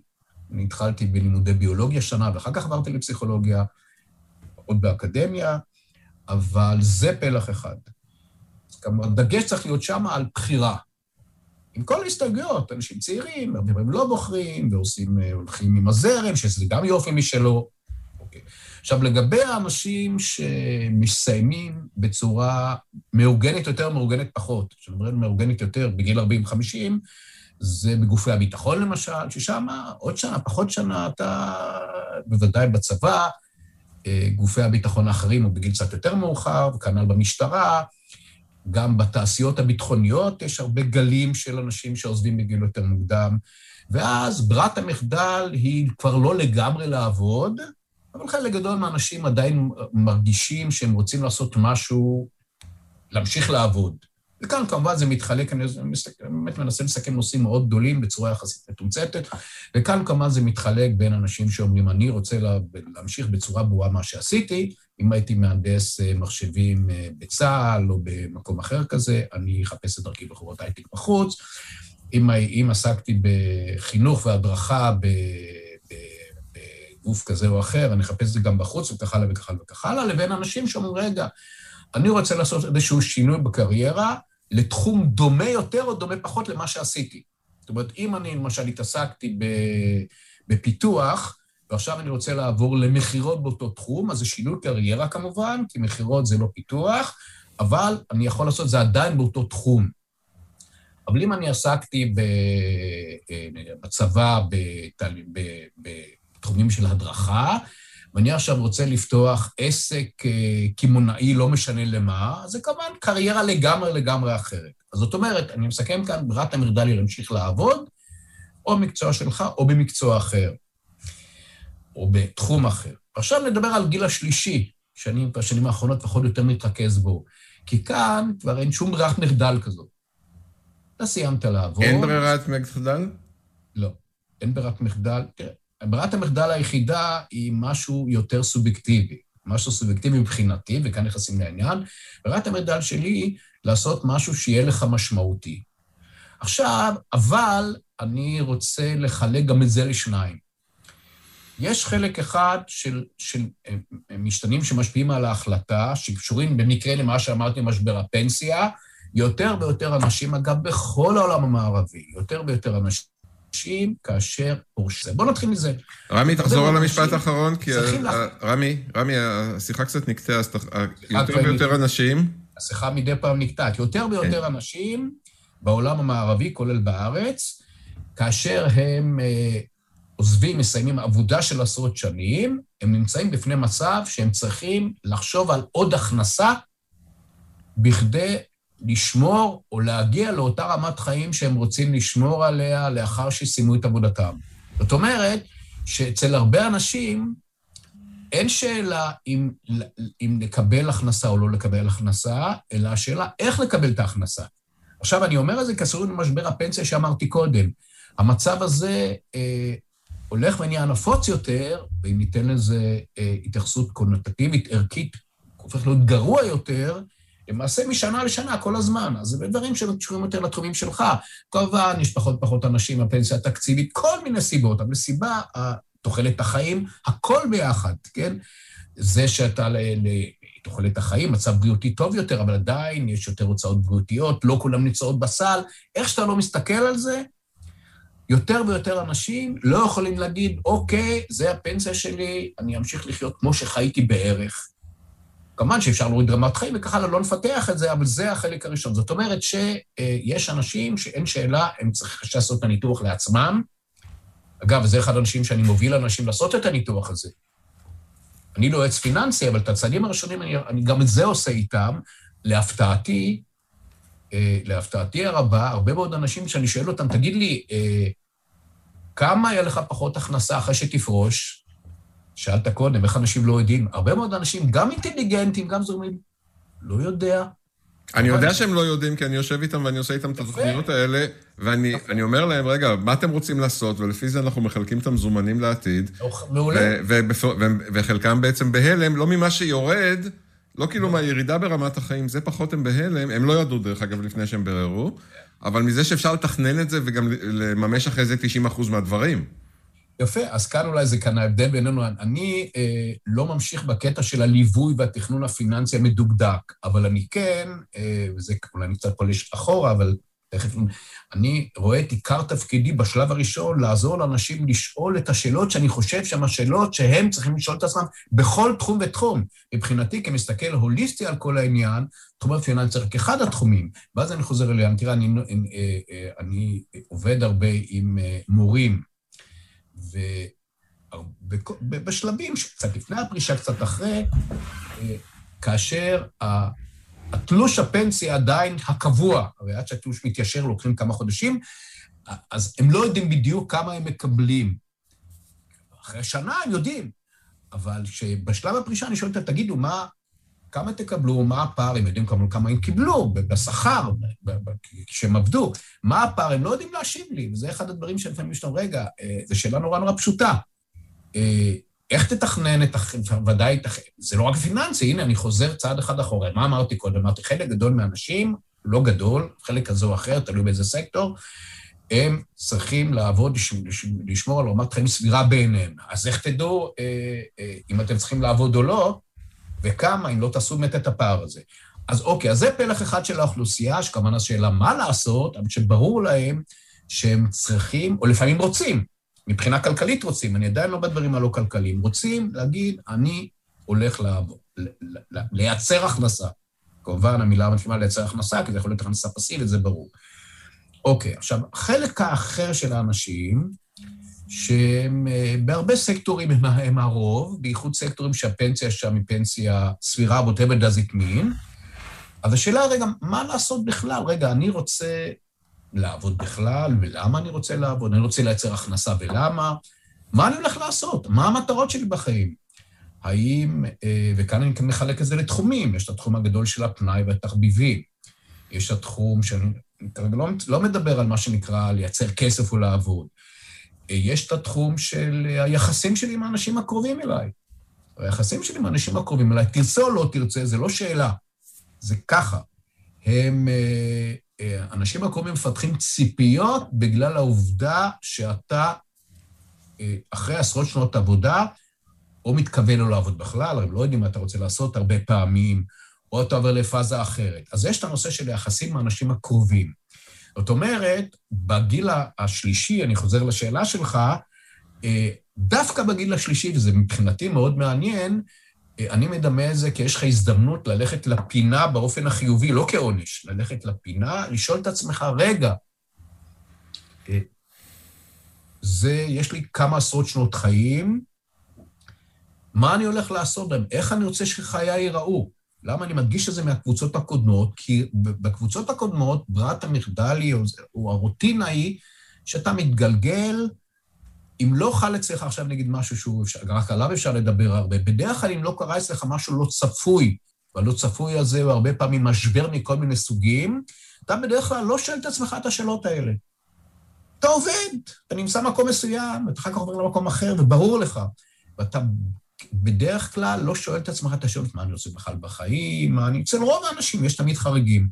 ובגיל הזה, בפרישה בגיל היותר מבוגר, או במעבר בגיל היותר מבוגר, אה, זה כאילו קורא לך לעשות, רגע, בוא, בוא נעשה, אני לא רוצה לשמש במילה חשבון נפש, כי זה די בומבסטי, אבל במידה מסוימת גם, מה עשיתי, מה אני רוצה לעשות, כמובן לא חייב לעשות את זה, אני מציע לכולם לעשות את זה, כי אין הרבה הזדמנויות כאלה בחיים, בוודאי לאנשים שאני תמיד אומר, יש להם כסף מאיפה שהוא ללחם וחלב.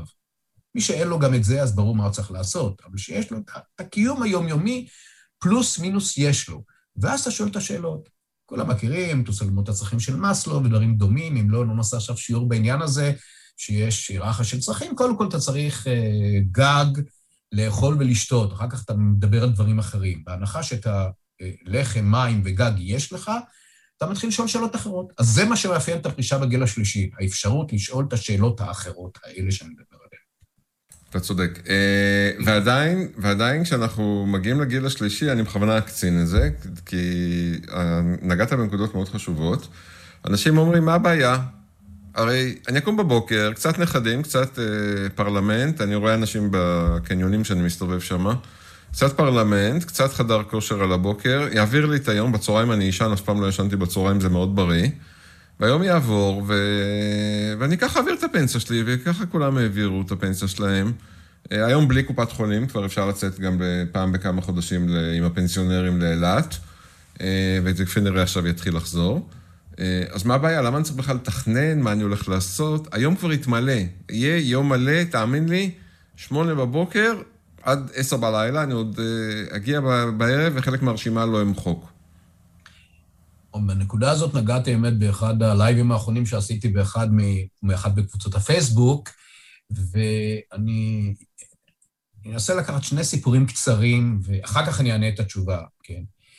אה, סיפור אחד, מישהי שעבדתי איתה והכרתי אותה, היו לה אה, שני עסקים, סגרה אחד, אחרי כמה שנים סגרה אחר, שש שנים מאז שסגרה את השני, והיא חיה באמת באופן שבו אתה מתאר, לפי המיטב ידיעתי עד היום.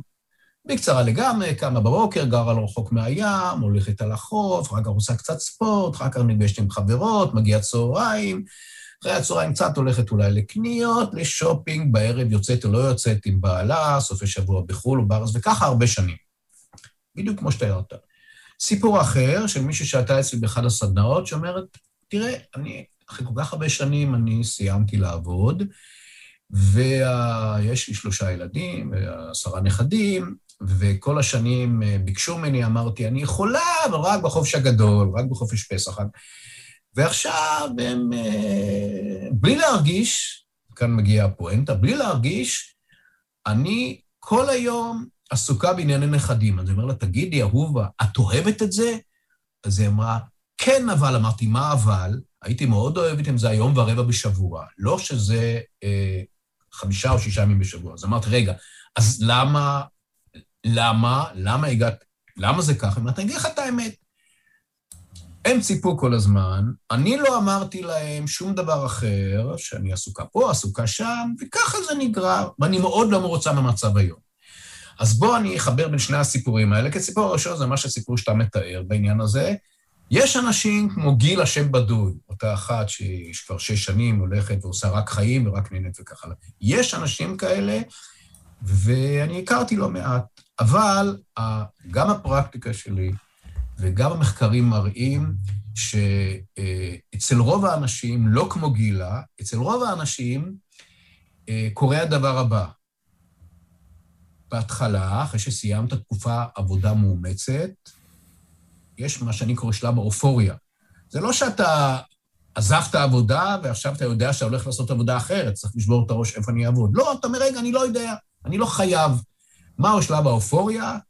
זו מילה שלי, למרות שפה ושם גם הספרות מכנה אותו כך, שלב של שמחה ללא מצרים. אה, עכשיו כל העומס שיש לי על הכתפיים הוא, הוא קל, אני לא חייבת להיות במקום עבודה בשעה מסוימת, לא חייבת לי 24-7 או פחות לשמוע מה רוצים ממני. יש חופש, איזה יופי, איזה נהדר. אבל מצד שני, אני רגע אתקע לך או עזרה או מקל נראה, אבל מצד שני, כבר בוואטסאפ, ניתקו אותי מהוואטסאפ, ואני פתאום כבר לא חשוב. כן, רגע, תכף. זה קשור לעניין, אבל, אבל זה קשור לעניין, אבל תכף נעשה חיבור כזה, ואחר כך אם תרצה חיבור אחר. איזה כיף. אז אני נוסעת לחו"ל, ואני לוקחת את כל המבצעים, ואני עושה ככה, ונרשמת לחוגים, ועושה ועושה ועושה ועושה. עכשיו, רוב האנשים כאן, אני אומר, הם לא כמו גילה. רוב האנשים, אחרי תקופה מסוימת, שמשכה או משתנה, יכול להיות שלושה חודשים, תשעה חודשים, שנה או שנתיים, אנשים אומרים, רגע, אוקיי, זה באמת כיף ככה, ואני עוזר, ל... אני מבלה וכך הלאה, אבל למעשה, משהו חסר לי, זה עכשיו קשור למה שאתה אומר. משהו חסר לי, זאת אומרת, זה לא מספיק לי רק לדאוג לי לרווחה ולכיף שלי. אני רוצה שזה יהיה, לא מספיק לי. אני מחפש, ולכן אני, מה שנקרא, משמעות המילה משמעות. אפילו כאלה לשון כזה נחמד. אני מחפש משהו, עכשיו, מה זה משמעות? משמעות זה משהו שיראה לי, לי, ממלא אותי, וכאן אני מחבר, חשוב לי, מעניין אותי, כאן אני מחבר למה שאתה אמרת, אה, אה, יהודה. אה, צריכים להבין שהייתי עשרות שנים בארגון אחד, או אפילו בכמה ארגונים, ואני יום אחד, גם אם אני אתכונן לזה, יום אחד אני מפסיק, נוצר לי איזשהו פער. יש כאלה אפילו מדברים במונחים הרבה יותר דרמטיים. יש כאלה אומרים, נוצר לי איזשהו חור. נוצר לי איזשהו חור, יש כאלה שמדברים במונחים מה של אובדן. איבדתי משהו. ואת המשהו הזה, רוב האנשים רוצים למלא, לא אמרתי להשלים, למלא. איך מתקשרת כאן תקופת האופוריה? המילוי הזה, או ההתנה מחדש, זה לא לגו, זה לא גשר לאגו שאוקיי, לקחתי כמה אבנים, הגשר לא יציב, אולי אפילו יתמוטט, בואו נחליף אותם תוך חצי שעה, חצי יום, חצי שבוע, באבנים אחרות, והגשר חזר להיות. אנשים עוברים כאן איזשהו, כמה שכולם משתמשים במילה לזרה, וכאן נכון איזשהו תהליך. בתהליך הזה מחפשים איזשהו משהו שימלא את אותו חלל שנפער, ותשים, ותשימו לב, תשים את הלב, תשימו לב כולם, זה לא חייב להיות דברים גדולים או גבוהים. אתה לא חייב להגיד, אוקיי, איך אני עכשיו הופך להיות סמנכ"ל של חברה בתחום אחר? ממש לא. זה יכול להיות אותו בחור שדיברת על הנגינה, שבעודו רופא אבל, זה יכול להיות אה, להמשיך או להתחיל לנגן כלי נגינה מסוים, זה יכול להיות איסוף של משהו, זה יכול להיות גננות, זה יכול להיות עם הנכדים באמת. אז שימו לב, הדבר המאוד חשוב, וכאן חשוב המקצועיות שלי בתפקיד שלי, אני לא מדבר על תוכן ספציפי, בתנאי כמובן שזה לא עובר על החוק ואתה לא פוגע באחרים, הכל לגיטימי. אני באופן אישי מוצא עניין גדול בעבודה, אבל זה לא משנה מה אני, אני קרמי. כאיש מקצוע, זה לא כל כך משנה מה. ובתנאי שזה עונה לך על צרכים מסוימים שגורמים לך למלא את הפער הזה.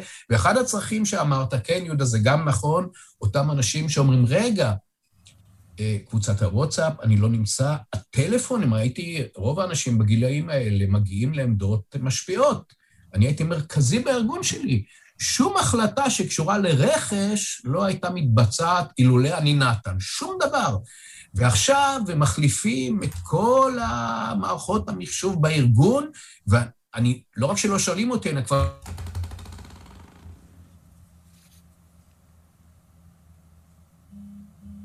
רמי, עוד פעם... אחרי זמן מסוים אפילו לא יודע על זה. אם זה באמת חשוב לכם, ואני עוזר לכם לנתח את זה שחשוב לכם לגמור את המשפט כאן, אתם תלכו לעשות דבר שתזכו שם להכרה מסוג אחר אולי, הכרה מסוג אחר.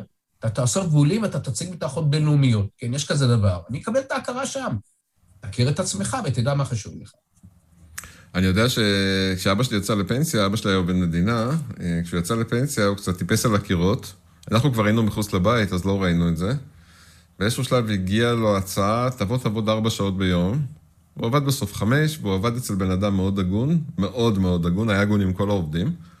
והבן אדם פתאום פרח. ואז הוא היה חוזר הביתה באחת, אוכל צהריים עם אמא שלי והולך לחוג לציור, ומימש את עצמו בעוד הרבה דברים אחרים. אבל פתאום היה לו משמעות, הוא קם בבוקר, אה, לקחו אותו בגלל המקצועיות שלו, דרך אגב, אה, ידעו שהוא מאוד ישר, זו הייתה עבודה שמאוד חשוב ביושר, אה, והוא פשוט פרח, נעזוב, תעזוב את הכסף, כאילו, הבן אדם שם שפך על כולם כסף, כי הוא במסגרת החוק, כמה שהיה יכול, הוא היה באמת אדם הגון. אבל הוא קם בשביל, היה לו משמעות לקום בבוקר למשהו שהוא עושה עשייה, יצירה, אה, עם, עם תוצרים בסוף. כאילו, זה לא היה משהו פיזי, זה היה משהו מדידות, אבל אה, היה לו בסוף משהו שהוא יצר, שזה היה מאוד חשוב לו. תראה, יש על זה הרבה, אני אתן סיפור אישי, ואחר כך אני אמליץ לקרוא ספר, מי שמעניין אותו, ספר פרוזה, כן, שאולי... בואו נתחיל בסיפור אישי. אה, יש לי חבר שאבא שלו בן 80 פלוס, עדיין עובד כמחסנאי ראשי במחסן חלפים של רכב יבואן גדול. הוא מהנדס, זה מה שהוא עושה. אז יש לו גם עיסוק, גם עניין, הוא אפילו מנהל שם אנשים, הוא בן 82 ועדיין מעסיקים אותו, זה מי שמעסיק אותו זה לא הבן שלו ולא החתן שלו, אלא מישהו שמרוצה מהעבודה שלו ואומר, כדאי לי להעסיק אותו.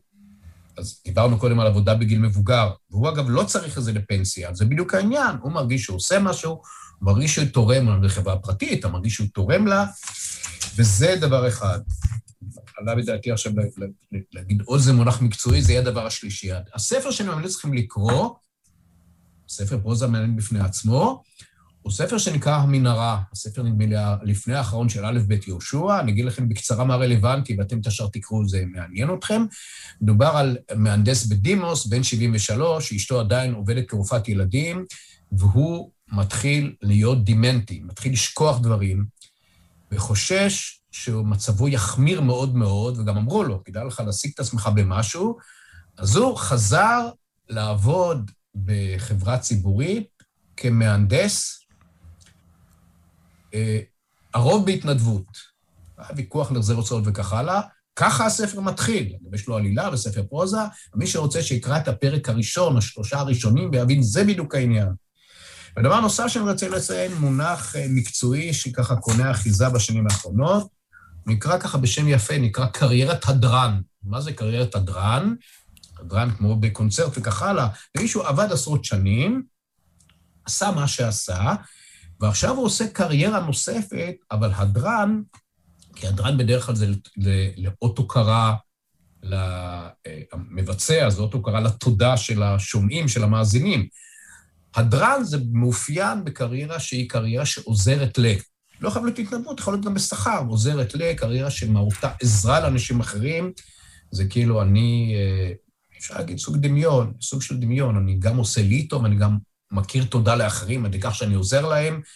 ככה אנשים שעבדו בכל המקצועות באים לעסוק גם בהתנדבות, גם בדברים לפעמים שלא התנדבות. אז אה, זאת אומרת שהעצה הכי טובה שאני יכול לתת לאנשים בעניין הזה, זה אה, תמצא עיסוק או צבר של עיסוקים שייתנו לך משמעות. אני חוזר אותם, כי זה המוטו של העניין. תשימו לב, לא אמרתי לעבוד, לעבוד זה מי שצריך תוספת הכנסה, זה אמרתי קודם, לא. משהו שימלא אתכם, שאם לא, עלולים לקרוא לך שני דברים. אחד זה שאתה תרגיש איזשהו משהו, שאתה קם בשמחה פחות בבוקר, לא מיד, אבל תוך כמה זמן. והשני, זה מה שאמרתי קודם, ולא פחות חשוב, שאחרים ישתלטו על סדר הזמן שלך, אחרים יכתיבו לך, כן? אה, עכשיו, כמובן שזה תהליך שאתה צודק, די קשה לעשות אותו. כי הכי קל לא לעשות אותו. אני, בסדר, אני אזרום איכשהו, ורוב האנשים עושים את זה. אה, זורמים, אבל מתישהו תופסים את עצמם. וזו הנקודה, זו הנקודה שאני רוצה לומר, כן. לחפש איזשהו משהו, עוד פעם, אני לא אומר, זה לא צריך להיות משהו עם סיסמאות מאוד מאוד גדולות. עוד פעם, זה יכול להיות תחביב, יכול להיות תנאי, משהו שימלא אותך. כל אחד מאיתנו זה אוניברסלי. מכיר, בהנחה שאתה באופן בסיסי, אה, אני לא מדבר על בעיות בריאות חמורות או דאגות אחרות מאוד קשות, אבל בסך הכל, בתקופה שאין לך את הדאגות קשות באופן מיוחד, מכירים בין ההרגשה שאני קם בבוקר למשהו שאני אוהב, כמובן, יש ימים כאלה, ימים כאלה, בגדול, לבין אה, נתן זהבי אומר עוד יום. אז אני לוקח את העוד יום לכיוון הלא כל כך אה, נחמד, עוד יום לא משמעותי בכלל, עוד יום פחות יום לא מעניין. אני הייתי, בחזון שלי, אני רואה שכל אדם ימצא לעצמו את הדרך שבו הוא לא יקום בבוקר ויגיד עוד יום, שיגיד, אוקיי, מה יש לי היום שישמח אותי? יש לי את זה ואת זה ואת זה וזה, אתה יכול לבנות לעצמך, לא רק, לא רק לעשות באופן תוצאתי, ושככה קרה. אז זה, זה, זו הנקודה כפי שאני רואה אותה. אם אני אסכם בעצם את כל מה שאתה אומר, וזה נכון גם לבני 25, 35 וגם לבני ה-55, 65, זה בעצם שאנחנו צריכים לנהל את העולם שלנו. אז דיברת על הקטע הכלכלי, דיברת על הקטע הפנסיוני, וזה גם דיברנו מקודם על אם יש לנו 2-3 קריירות, שאנחנו צריכים לנהל גם את הקריירה שלנו. זאת אומרת, אנחנו צריכים להיות אלה שקובעים מה יקרה, ולא לתת לזה לקרות במקרה. נכון. שאחרת בעצם... אה, תראה, עוד פעם, אה, זה, אני הייתי משתמש במילה הזאת, תראה, יש אסכולה שאומרת, אם לא תכננת, לא זה גם לא עשית. אני מסכים עם זה רק באופן מאוד חלקי. אני לא רוצה לעשות איזה משהו מאוד מאוד קפוא, מין שבלונה כזאת שאומרת, אוקיי, אחרי תשעה ורבע חודשים לכל המאוחר שסיימת עשרות שנים, אתה צריך לגשת, לקחת עד ונייר, ללכת לבד או ליועץ ולעשות תכנון. דברים מתהווים לפעמים בכל מיני צורות, יותר נקרא לזה עגולות, אבל בעיקרון אני כן אומר שאתה תשאל, בייחוד בגיל היותר מאוחר, אתה תשאל, רגע, איזה חלומות חלמתי שאני יכול אולי להגשים? אז חלק לא תגשים, זה נכון, זה חלק מהחיים.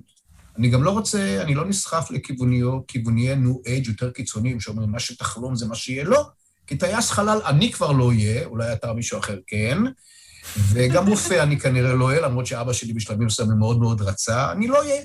אז אם אתה הולך באופן קיצוני, אין גבול, לא. אבל, אה, אבל כן, תגבש לך איזה דברים חשובים שעוד לא עשית, או שחלמת, כן, זה גם הזמן.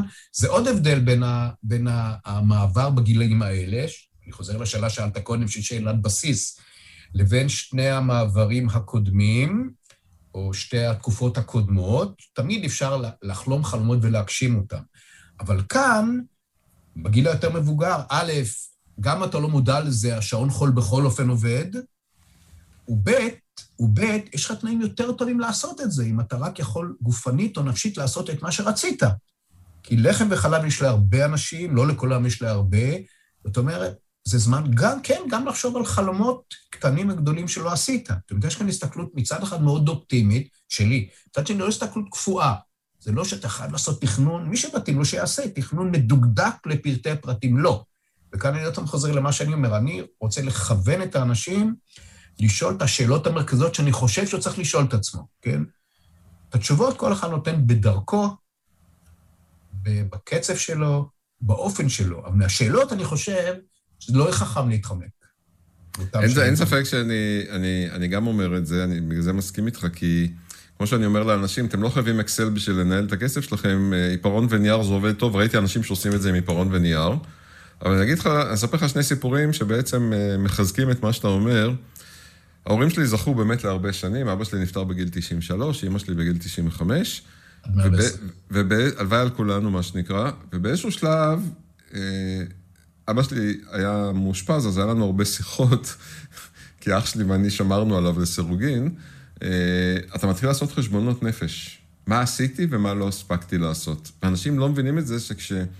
זה כמו ביטוח, שאתה כבר, אתה משתמש בביטוח, אתה כבר לא יכול לשנות אותו. אותו דבר גם פה, כשאתה עושה את החשבון נפש, אז יש כאלה שעושים את זה כל החיים, ולכן הם משנים את המסלולים, מה שנקרא, ומגשימים את עצמם ומצליחים. ואני אומר לכם, אל תחכו לנקודה של החשבון נפש, תביטו מסביב על החברים שלכם. ההוא הלך לחוג צילום, ההוא פתאום התחיל ללמוד תואר שני כי זה מה שבא לו. והשלישי, הלך להיות גנן בגן, זה לא משנה בכלל מה הגשמת החלום, כל אחד והגשמה שלו. אמרת את זה נכון, אבל תלכו להגשים, כי אתם בסוף תעשו את החשבון נפש, זה לא משנה באיזה גיל זה קורה, ואז אתם אומרים, אוף, פספסתי. וכמו שאמרת, עם השנים, כמות השנים שנשארה לנו לעשות עוד משהו, היא הולכת וקטנה, אבל כשיוצאים לפנסיה, יש עוד אה, בין 20 ל-30 שנה, זה מלא מלא זמן. אתם יכולים להגשים את כל החלומות שלכם, אם אתם עובדים או אם אתם לא עובדים. ועוד דבר שאני תמיד אומר לאנשים, אה, וזה, אני מספר להם אירוע מעברי, עכשיו, תואר שני למדתי מנהל עסקים. כשלמדתי, דרך אגב, עוד לא ידעתי מה אני הולך לעשות עם התואר הזה, אבל, ידעתי, אבל התייעצתי ואמרו לי, תלך תלמד. ויום אחד הגשתי מכתב התפטרות. אה, עזבתי איזשהו מקום עבודה מכל מיני סיבות, אה, בעיקר מקצועיות, ואחרי שבוע התחיל קורס ב... אה, לא קראו לזה משאבי אנוש, קראו לזה שם אחר קצת יותר יפה. ניהול כוח אדם אולי קראו לזה לא, לא, לא, לא, לא. ניהול אנושי או משהו, לא משנה. ניהול המשאב האנושי, יש כל מיני שמות, כן. ובשיעור, בשעה השלישית הוא מראה גרף, שמראה את השביעות רצון של העובד מהחברה שלו, והגרף שם הוא במינימום באיזשהו נקודה, אני לא זוכר את השנה המדויקת, נדמה לי שנתיים ורבע. ואחרי זה אתה כבר נשאר כי אתה משכנע את עצמך, זה בסדר. ומה שהצחיק אותי, שבדיוק באותו תאריך נתתי את המכתב פיטורים שלי. התפטרות שלי, סליחה. הייתי בדיוק על הגרף. אמרתי לו, תקשיב, אם היית מראה לי את זה שלושה שבועות קודם, הייתי משכנע את עצמי שאני צריך לעשות את זה. אני נורא שמח שלא ראיתי את זה, כי בעצם אה, עשיתי את זה בצורה טבעית. ואני אומר לאנשים, הרי אתם תגיעו לחשבונות כמו שאבא שלי עשה, כולם עושים את זה דרך אגב, אני עברתי את זה עם עוד כמה אנשים ש... שהם קרובים אליי והם שיתפו אותי בזה, הם עשו חשבון נפש, ואתם באמת תעשו את החשבון נפש, אז בואו תגיעו אליו מוכנים ותגשימו את החלומות שלכם, כאילו, זה לא הבוס שלכם, זה לא עבודה, אולי זה עבודה, כי כמו שאמרת, כל אחד ילך לכיוון שלו, אבל יכול להיות שזה תחביב, יכול להיות שזה חלקו גם יהיה נכדים, יכול להיות שזה ילדים. זה פשוט מדהים, אה, ו... ותגשימו את עצמכם. זו נקודה מאוד חשובה שאתה עוזר לאנשים לעשות, ואני חושב שהיא הכי חשובה בראייה שלי את ההורים שלי, זכרם לברכה, זה הדבר הכי חשוב. תראה, לכולנו יש חלומות שחלקם אנחנו מגשימים וחלקם לא.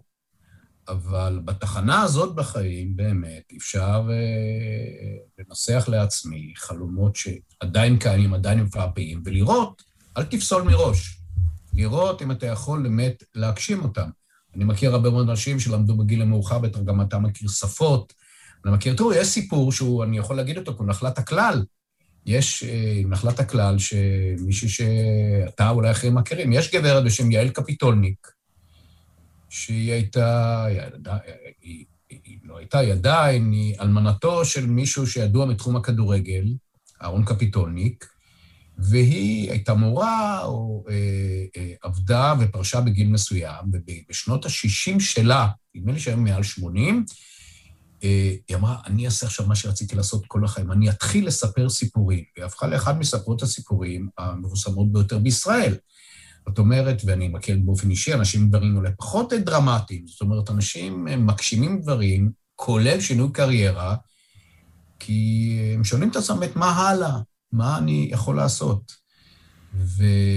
אבל יש בעיה עם החשבון נפש שאתה מדבר עליו, אני אגיד לך למה. כשאתה אומר לאיש בן 60 ופלוס, בריא צעיר וברוחו ובנפשו, תעשה חשבון נפש, זה לא מונחים שבמהות אתה צודק. אני לא אומר, דרך אגב, הם עושים את זה לבד, זה בדיוק הנקודה. אתם תעשו את זה במילא.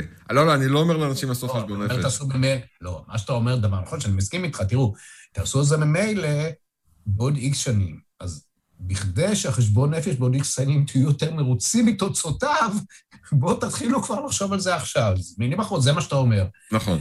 אבל, אז יש כאן איזושהי, אתה, אתה רצית הגבלה נכונה לתחום של ביטוח, יש כאן עניין, ראה, תשמע, אתה תצלם את העתיד ותחשוב עליו, אז בכדי למנוע דברים לא רצויים בעתיד, אני קצת עושה זה, אז, אז, אז אה, אה, תתחיל לחשוב על דברים עכשיו. אז יש כאן איזה איזון מאוד עדין, כי אנשים לא אוהבים לעשות חשבונות נפש, לכן המינוחים שאני משתמש בהם, ואני חוזר על זה אני יודע, לא פעם ראשונה, זה שאלות שלדעתי אתה כדאי שתשאל את עצמך. אתה תשאל, אם תגיד, הכל פנן, הכל יופי, אני רוצה להמשיך כמו גילה, שסברתי עליה קודם, אז בסדר, אין לי, אוקיי, יכול להיות שאתה לא כך צריך את השירותים שלי, אבל הכל בסדר, מאה אחוז, כן? אני מניסיון מקצועי אומר שלי, לחלק גדול מהאנשים, אני חוזר, זה לא מספיק. אחרי כמה שנים כאלה אתה שואל מה הלאה. ואולי גם גילה תשאל פעם מה הלאה, אני לא יודע. עכשיו זה אולי שש שנים מאז שהיא עושה את זה. זה מה שאני אומר. אין ספק. וואו, אני חושב שעברנו על הרבה נושאים והגענו לנושא העיקרי, שזה בעצם תכנון הפרישה שאתה עוסק בו היום, שהוא נושא מאוד חשוב. אה, שוב פעם, אני, אני אומר את זה כי אני רואה מסביב אנשים אה, מאושרים וכאלה שמבזבזים את הזמן שלהם. אני, אני, פשוט זה לא המקצוע שלי, אני לא מעיר לאף אחד שום דבר, אבל אני חושב שזה נושא מאוד חשוב שצריכים להתייחס אליו. אה, ואני חושב שנתת פה המון המון טיפים וערך. אני ממש נהניתי, ממש ממש... תודה. אז תודה. בכיף. להתראות, יהודה, ביי. תודה רבה.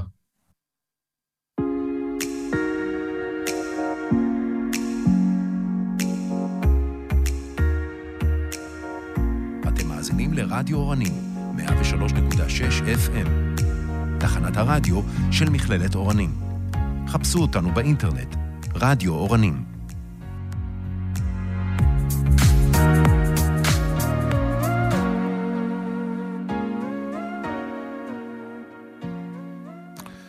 מסוג הרעיונות שברור לכם שיש בהם מלא מלא מלא תובנות. אה, אני מבטיח לכם שאני עוד אקשיב להקלטה בשביל, אה, בשביל אה, לשמוע את התובנות מהסדר השני, כי מלא מלא מלא ניסיון בשיחה כזו קצרה, שעה, כן, אבל קצרה.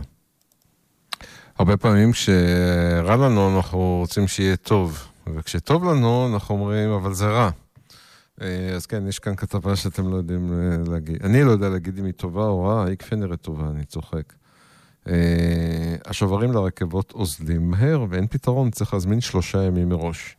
למרות חזרת המשק לפעילות, לא נמצא פתרון להגבלת התפוסה ברכבות, ונוסעים רבים מדווחים כשוברים שבהם הם מחויבים להצטייד אוזלים מהר. בואו רגע נסביר למי שלא נוסע ברכבת, אני נוסע, זה ברור לי. בשביל לנסוע לרכבת היום צריכים שני דברים, שלושה דברים. קודם כל להגיע לשם, אבל לא, כאילו, כמות הנוסעים ברכבת היא מוגבלת, ואז הרכבת מנפיקה שוברים לעלייה לרכבת. אה, וחוץ מזה גם קונים כרטיס נסיעה. דרך אגב, יש טריק להתגבר על זה, אבל אני לא אגיד אותו פה בקול רם, אפשר להתגבר על זה. אה, אני נוסעת כבר חודש באותה הדרך ולא הצלחתי להשיג שובר. הרכבות בראשון וחמישי מאוד מבוקשות, סיפרה תושבת עכו. עשרות החיילים בוטלו, וגם הם חזרו לרכבות. כן, החיילים התחילו אה, לנסוע כמו כולם. מאז חזרתה לפעילות של הרכבת בחודש יוני האחרון, הנסיעה בה מחייבת הצטיידות בשובר עלייה לרכבת לכל נסיעה בנפרד, בנוסף לכרטיס הנסיעה רגיל. ואולם עם חזרת המשק לעבודה כמעט מלאה, מדווחים נוסעים על ביקושים גבוהים לשוברים שאוזלים לאור צמצום מספר הנוסעים ברכבות בהתאם להגבלות, שמתירות תפוסה של עד 75% ממספר הנוסעים שבשגרה. עכשיו, תקשיבו לדוגמה הבאה, היא דוגמה קלאסית למישהי שמשתמשת ברכבת להחליף, בטח להחליף רכב, אבל גם תחבורה אחרת. מוריה, שמתגוררת בעכו ועובדת בבית חולים רמב"ם, מה יותר טבעי מאשר לנסוע ברכבת? סיפרה לוויינט שניסתה לעלות על הרכבת של השעה 6.34 ביום ראשון. היום, מעיר מגוריה לתחנת חיפה בדגלים, אולם לא הצליחה להנפיק שוברי נסיעה שהיו זמינים רק לשלוש שעות מאוחר יותר. ביקושים דומים נרשמו ברכבות בנתניה לתל אביב בשעות 6.54, 7.54 ו-8.54. אני נוסעת כבר חודש באותה הדרך, והבוקר לא הצלחתי להזמין שובר, סיפרה מוריה. אז למה לא הזמנת מראש? היו איתי עוד 20, זה נורא חוכמה להיות בדיעבד, כן? איתי היו עוד 20 אנשים באותה סיטואציה, אבל זה לא הזיז לאף אחד ולא הסכימו להכניס אותנו ללא שובר. אנשים שרוצים לנסוע ביום ראשון בבוקר צריכים להזמין שלושה ימים מראש שובר, כי הרכבות מאוד מבוקשות. מוריה, תתקשרי אליי, אני אספר לך איך עולים לרכבת בלי שובר. אה, עם שובר, אבל בלי שובר. ברכבת ישראל העריכו כיום ייסעו ברכבת כ-140 אלף איש, ובכך יירשם שיא נוסעים מאז החזרה לפעילות בחודש יוני. רכבות רבות הגיעו הבוקר ל-75% תפוסה, ומצב דומה התרחש בכל יום ראשון וחמישי בשבועות האחרונים. אם בתקופה שלפני הקורונה היו נוסעים בימים אלה כ-270 אלף, שק... אלף איש, אז מה אם זה תוכנית כלכלית? לא כל דבר זה שקל. כ-270 אלף איש בצפיפות רבה, היום נוסעים כמחצית מהם. זאת אומרת, הם כבר לא צפופים כזה כמו סרדינים? יאו, איזה כיף. כן, אני יודע, נסעתי ברכבת לפני שבוע, הגעתי אפילו לירושלים. טוב, אין איזה פתרון, אני אפילו לא אקרא את תגובת אה, מי שרוצה להגיב שם, כי זה ממש לא רלוונטי. אה, תתחסנו כולכם, אז כולם יוכלו לנסוע בכל מקום. חושבים שחניה צריכה להיות בחינם? אתם טועים. הישראלים התאהבו ברעיון של חניה ללא תשלום, אך פרופסור עומר, הכל מוויינט דרך אגב, אני מתנצל שלא אמרתי את זה גם פעם קודמת. אך פרופסור עומר מואב טוען כי הדרך להפסקת החיפושים האינסופיים, עומסי התנועה בעיר ואפילו זיהום האוויר עוברת דרך שינוי הכדאיות הכלכלית. איך יתאפשר לחלק מהתושבים דווקא להרוויח מאות שקלים בחודש מהמהלך, בנוסף לשיפור הרווחה של כלל הציבור? פודקאסט עושים חשבון, אני אביא את הרעיון שלו רק. הרעיון שחניה לא צריכה להיות בחינם במרחב הציבורי, במיוחד שיש מחסור מובן מאליו לכלכלנים ולמומחים מתחום התחבורה ותכנון ערים. אלא שהציבור הורגל לחשוב אחרת, ורבים מעדיפים להמשיך לסבול מהמצב ורק לא לשנות את חלוקת נטל המס לעירייה באופן שישקף בצורה הוגנת ויעילה יותר את השימוש במשאב הציבורי. בתל אביב, כבר מהנתונים ניתן לראות שמספר הרכבים הזכאים לתו חניה גדול בהרבה ממספר החניות כחול לבן בעיר. אלא שלמרות שהביקוש לחניות גבוה מההיצע, העלות שלהן נשארת חינמית, ותל אביבים שגרים במרכז העיר וחווים מצוקת חניה משמעותית, עדיין יכולים לחנות את רכבם בסמוך לביתם במרחב הציבורי בלי לשלם על כך, לפי מנגנון של כל הקודם זוכה. כלומר, מנגנון המחירים שאמור להשוות את הביקוש להיצע לא קיים. כיום התנועה בתל אביב בקושי זזה. החיפוש אחר חניה מעמיס גם על הכבישים. קורה לנו להתעצבן ומעלה את צריכת הדלק, מה שגם מגביר את זיהום האוויר. כלומר, האהבה שלנו לחניה בחינם עולה לנו ביוקר. בנוסף לכך, רבים מהתושבים שמחזיקים ברכב פרטי לטובת נסיעה בסופי שבוע לאירועים מיוחדים, כך שכמות הרכבים החונים ושאינם בשימוש או שבשימוש מעט מאוד, גבוה גם ברחובות העמוסים ביותר. חוץ מהעלות, חוץ מהעלות האישית, העלויות האישיות שמוטלות על בעל הרכב, כמו דלק ותחזוקה, ישנה עלות כבדה נוספת שמטיל בעל הרכב על אחרים. כשקונים רכב שמבלה זמן רב בחנייה, ברחוב הוא תופס מקום במרחב הציבורי על חשבון אה, אנשים אחרים, והאחר שזקוק לאותו מקום חנייה, או אפילו רק למרחב עצמו, נפגע. לכן הדרך לפצות את אותו ציבור שנלקח ממנו חלק מהמרחב הציבורי, הוא שבעלי תווי חנייה ישלמו על החנייה. וכך אלו שלא משתמשים באותו מרחב ציבורי, אולי משום שהעדיפו לא להחזיק, ירוויחו גם. אך, איך הגיוני לבקש מיסים נוספים בעיר שהמחיה בה יקרה גם ככה? עולה השאלה. פרופסור מואב מציע שהתשלום עבור תו חנייה יחליף את תשלומי הארנונה.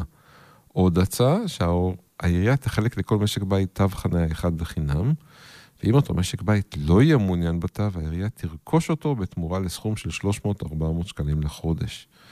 מי שירצה תו נוסף ישלם בהתאם. פרופסור מואב טוען כי סכום בסדר גודל כזה יספיק כדי ליצור עודף חנייה בתל אביב.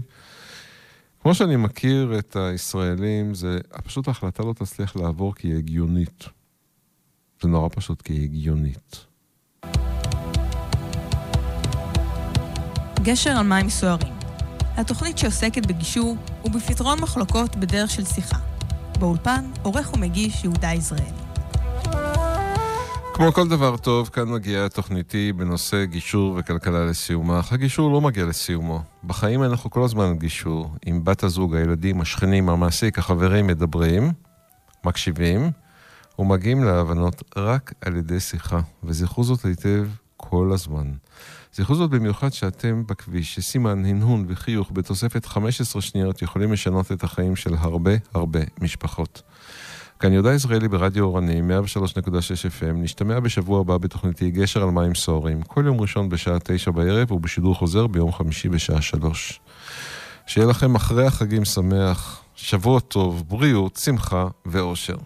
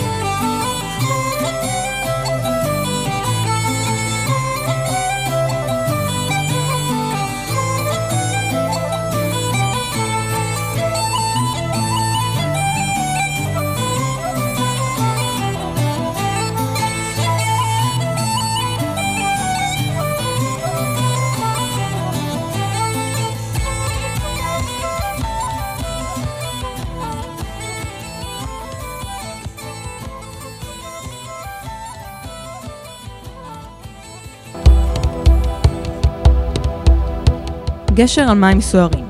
התוכנית שעוסקת בגישור ובפתרון מחלוקות בדרך של שיחה. באולפן, עורך ומגיש יהודה יזרעאל.